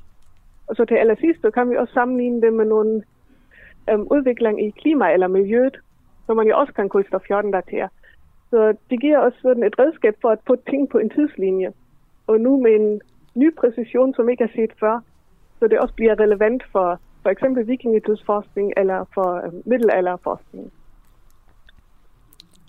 Okay, fremragende. Ved du Bente Philipsen, vi skal, øh, vi skal, vi skal ile videre her i, øh, her i udsendelsen, så du skal have mange tusind tak for, at du var med, og du må have en, øh, du må have en dejlig morgen. Tak, og i lige måde. Jo, tak. Nu bliver det rigtig sjovt, Nikolaj. Ja. 9,9 milliarder kroner. Lyder af mange penge? Ja, det gør det. Jeg kunne godt bruge 9,9 milliarder i hvert fald. Det er der også nogle andre, der kunne. Det hedder Skattestyrelsen, øh, Skatteforvaltningen i Danmark. Øh, Det er lige præcis det beløb, som de har fået øh, på Folketingets finanslov i 2022. Og det betyder altså, at det faktisk er en stigning i det beløb, som, som Skatteforvaltningen får. Altså en stigning på 50 procent i løbet af, af de sidste fem år. Det aller, aller vigtigste i det her, synes jeg, øh, det er jo om de her sådan, udgifter, som er rekordhøje, Mm. Altså, at, at det spild af, af skatteydernes penge, fordi det kan man sige, der er jo blevet spildt nogle penge igennem årene. Der har været lidt, jeg vil kalde det bakserbøvl med skat over en Ja. længere periode. Ja, blandt andet øh, skatteminister, der har forladt posten og sagt, det her, det står simpelthen ikke til at redde. Nej, det er det. Og vi, vi kan også huske IFI-systemet og alt sådan noget, der, der, der ikke gik så godt. Så, så på en eller anden måde, jeg vil sige, at det her tal, det giver mig håb og en lille smule skepsis. Mm. Øh, og hvilken en af de to ting, vi, vi står tilbage med, det skal jeg overhovedet ikke afgøre. Men det skal du måske, Henning Bøje Hansen. Du er øh, chefkonsulent i BDO Danmark, som er et øh, netværk af revisionsvirksomheder. Og du har arbejdet professionelt med skat i mere end 44 år. Øhm, og så er du oprindeligt uddannet som skatterevisor hos Skat, hvor du arbejdede i 10 år. Så du er måske den rigtige til at svare mig på, om de her knap 10 milliarder kroner, de løser problemerne i skatteforvaltningen, blandt andet med, med inddrivelse af udbytteskatten. Ja, det er jo et stort spørgsmål, men, men det hjælper der på det. Det, der jo i virkeligheden er mere spørgsmål, det er, øh, kunne man have gjort andre ting, som gjorde regningen mindre? Øh, fordi man kan sige, at, at øh, der har jo været en tendens inden for de senere år at bevilge flere og flere penge til driften af skatte, øh, skattearbejdet og skatteopkrævningen. Øh, og det er der jo gode grunde til, fordi skattemyndighederne har nogle store udfordringer, især på ejendomsvurderingsområdet og på gældsinddrivelsen. Så det giver sådan set god mening at, øh, at øh, øge bevillingerne til skatteområdet. Men man kunne godt stille det spørgsmål, om man ikke ved samme lejlighed kunne kigge på, om der var nogle ting, man kunne, der kunne trække i den modsatte retning, øh, som, så bevillingerne ikke nødvendigvis skulle have det her omfang, som de har. Så lad os sige, at øh, det var dig, der stod og skulle bestemme det. Vil du øh, bruge de knap 10 milliarder, eller vil du gøre noget andet, som du lidt øh, insinuerer her? Jamen, jeg tror da, at, at øh, sådan som situationen er nu, så har vi nogle akutte problemer, så, så den aktuelle bevilling tror jeg ikke, at, at, øh, at at jeg vil gøre så meget anderledes. Men jeg synes, at der, der er god grund til at kigge nærmere på, på skattevæsenets aktiviteter i øvrigt, øh, for at se, om, øh, om ikke der er noget, man kan gøre anderledes. Og i min optik, så er, så er øh, politikerne i virkeligheden den største barriere selv øh, for, at der bliver gjort noget øh, øh, på det her område. Fordi en af de værktøjer, man har i kassen til at kunne gøre det billigere at drive skattevæsenet, det er jo blandt andet at forenkle reglerne. Og det taler man meget om på Christiansborg, men man er ikke meget for at vise handling. Hvad betyder det at forenkle reglerne? Jamen det man jo kunne gøre, det, det, er jo, det er jo blandt andet at kigge på gældsområdet, hvor man bruger meget store ressourcer på at rydde op i en masse gamle gæld, som alle godt ved, at de kommer aldrig i, øh, i, øh, i kassen, alle de her penge. Og der må man bare sige, at, at, at på Christiansborg, der kan man ikke rigtig komme i gang med at få gjort noget ved, ved den her problemstilling, og derfor vedbliver Gældsstyrelsen med at øh, bruge rigtig mange ressourcer på at rydde op i noget, der aldrig kommer i kassen. Det er ligesom den ene vej. Den anden vej, hvor man, hvor man kan sige, at, at man politisk kunne gøre noget, men hvor man ikke har den store lyst til at gøre det til synerne, det er jo at forenkle skattereglerne, sådan at der vil være behov for mindre kontrol, og dermed for mindre færre skattemedarbejdere. Og det, det synes jeg jo lyder en lille smule skræmmende i forhold til, hvor meget der er blevet, blevet snydt og fusket med, med skat, at der skal være mindre kontrol og færre regler. Jamen, jeg tror, at, at, at de steder, hvor man øh, skattemyndighederne bruger masser af ressourcer, øh, også på andre områder end det, vi kan, når vi tænker på snyd og, og den slags, så er det, har det især noget med, med sort arbejde og, og hvidvask og sådan noget. Men skattemyndighederne bruger også rigtig mange ressourcer på at kontrollere helt almindelige lønmodtagere og helt almindelige små virksomheder, helt almindelige større virksomheder, som ikke har noget med alle de ting at gøre men hvor man kan sige, at kontrollen udspringer af, at vi har meget komplicerede skatteregler, og det kunne man jo starte med at gøre noget ved. Og det, jeg synes jo, det, det lyder da meget dejligt, altså både at, at forenkle det sådan helt personligt, vil jeg da sige, at jeg synes, det kan være lidt, uh, lidt svært at, at finde rundt i, men også når du siger, at det er billigere, der kan jeg så bare ikke rigtig se, uh, what's not to like på den måde, at hvorfor har de så afsat næsten 10 milliarder til at, at ligesom gøre det bedre, hvis det kunne være en løsning, det du siger? Jamen det er jo for det første fordi, at, at man politisk ikke bruger de store ressourcer på at analysere øh, skattevæsenets arbejde. At skattevæsenet de får ligesom lov til at drive deres virksomhed øh, helt på den måde, som de har lyst til. Man, man har ikke nogen øh, politisk øh, øh, kontrol med, hvad, hvad, hvordan skattemyndighederne øh, bruger deres ressourcer, og man har ikke politisk øh, nogen øh, diskussioner om, hvad kunne man gøre for at, at, at forenkle reglerne.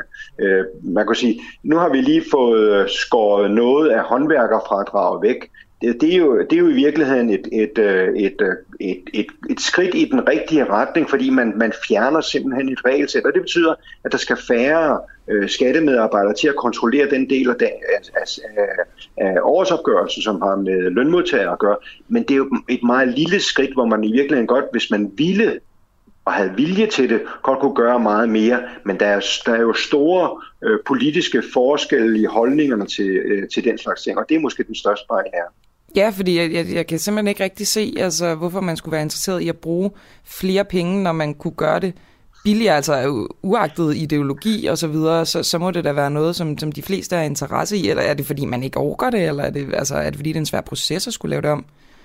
Fordi det er en svær proces, og fordi der er, der er forskellige øh, politiske holdninger. Så det, det igen er håndværkerfradrag, selvom det er en en bagatel, så er det jo et meget godt eksempel på, at der, at der er to forskellige retninger i, øh, i Folketinget. Der er dem, der, der gerne vil bevare reglerne, og så er der dem, som gerne vil have dem nedlagt. Og man kan sige, de har hver især deres bevæggrunde til det, men de udspringer i virkeligheden ikke af et ønske om at, at, at forsimple skattereglerne, og det er jo det, der er behov for, hvis man, hvis man øh, vil gøre det, øh, det øh, behovet for skattemedarbejdere mindre, så er man nødt til at kigge på forenkling af skatteregler, og jeg ser sådan set store muligheder for at gøre det bedre, men der er ikke nogen, altså det er ikke et emne, som politisk interesserer ret mange. Til aller, aller sidst, øh, Henning Bøje Hansen, er der, er der noget, noget, noget godt ved det? Altså, jeg vil gerne lige høre, at det ikke bare er, er spild af penge med de her øh, 9,9 milliarder. Øh, jeg vil også gerne høre, at det ikke bare er et symbol, fordi det ligesom ser pænt ud, ser ud som om man gør noget øh, ved, ved skat. Altså, hvad, hvad er det positive ved det?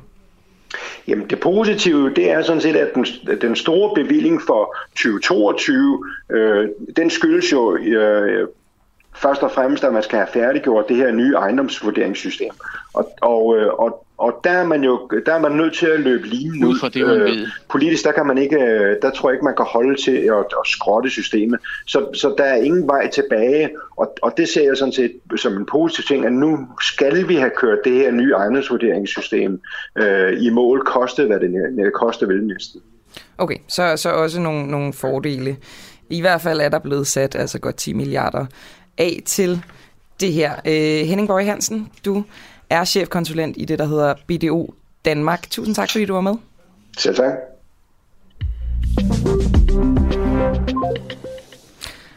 Og så skal vi til noget, øh, Nikolaj, som jeg synes er ret spændende. Faktisk noget, jeg har fulgt lidt med i, ikke bare fordi jeg selv er tatoveret, men også fordi jeg synes, det er gået sådan en lille bitte smule under radaren. Mm. Øhm, det her med, at der jo bliver øh, i EU forbudt mere end øh, 4.000 giftstoffer. Øh, og nogle af de her giftstoffer, som bliver forbudt ved en ny lov, de findes i tatoveringsblik. Yes. Og det betyder jo altså de facto, at at der er et erhverv, som, som lukker i virkeligheden, eller i hvert fald får rigtig, rigtig svært ved at overleve, eller i hvert fald skal, hvad skal man sige, overleve på nogle nye vilkår med noget nyt blæk, som er vanskeligt at bruge få fat i, så vidt jeg har forstået i hvert fald. Ja, altså det der sådan er ved det, det er, at det primært er farvet blik, som ikke længere øh, som tatoverer i Danmark, og EU generelt ikke må, øh, må, må benytte sig af længere. Det vil sige, at du fra nu af kun kan få tatoveringer, der er sort, grå eller, øh, eller hvide. Så din hud bliver lidt mindre, lidt mere, lidt mindre farverig, hvis du, øh, hvis du går ned til for eksempel Bella Tattoo, hvor Frank Rosenkilde øh, er indehaver. Ham skal vi snakke med øh, lige om lidt. Og, øh, og grunden til det her øh, lovforslag, eller den her nye lov fra EU, det er, at øh, de giftstoffer, som er i blikken, øh, de kan være kraftfremkaldende. Men det, der er lidt interessant her, det er, at øh, vores kollega Gustav Prip, han har snakket med professor og overlæge på Bispebjergs dermatologiske afdeling. Han hedder Jørgen Serup, og han mener altså, at den her lov, den er decideret latterligt øh, eller latterligt. Det, det, det, han fortæller blandt andet i det her indslag, at øh, man aldrig har set et tilfælde, hvor at en tatovering skulle være direkte årsag til cancer. Og øh, samtidig så mener han også, og det synes jeg er lidt kontroversielt for øh, sådan en, en professortype, mm. at øh, tatoverende med god samvittighed kan, bare kan bryde den her lov, og så tatovere løs med, med den gamle blik. Og så sammenligner han så også det hele med, øh, med mink-skandalen. Og det er, jo, altså, det er jo igen det der, jeg starter med at sige med at lukke et helt erhverv. Men jeg synes bare, vi skal øh, kaste os ud i lige at høre, hvad Jørgen Serup han, øh, han sagde øh, til vores kollega Gustav Prib i går. Ud fra det, man ved, er der ikke konstateret noget tilfælde, hvor en person har fået kræft i sin tatovering i løbeknuden eller i kroppen på grund af tatovering, hvor det er dokumenteret bare i et eller andet passende omfang.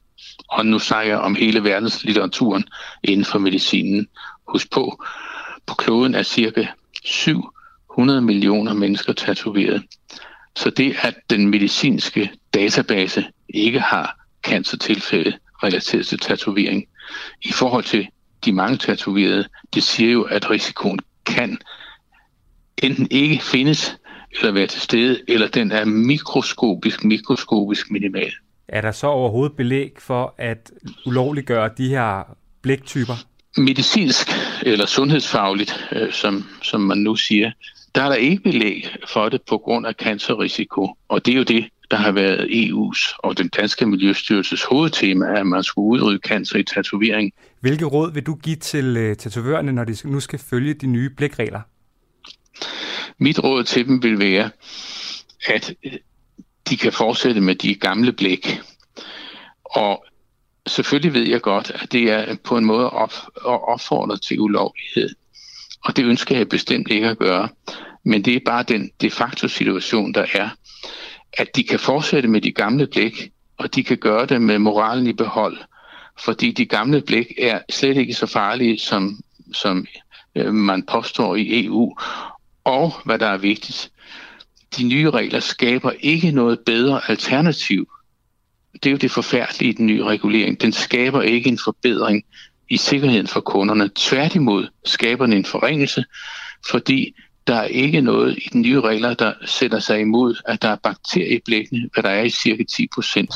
Det er simpelthen netto-resultatet af den nye regulering. Flere infektioner, farligere tatoveringer, og det er jo mildt sagt en forfærdelig ting, at man laver et så stor stil af regulering, og man forringer kundernes situation. I virkeligheden, når vi lægger det hele sammen, og ikke kun med kikkersyn ser på, på en eller anden potentiel cancerrisiko, øh, som eksisterer i teo- teoretikernes verden, men ikke i virkeligheden. Så der er ikke nogen vinder?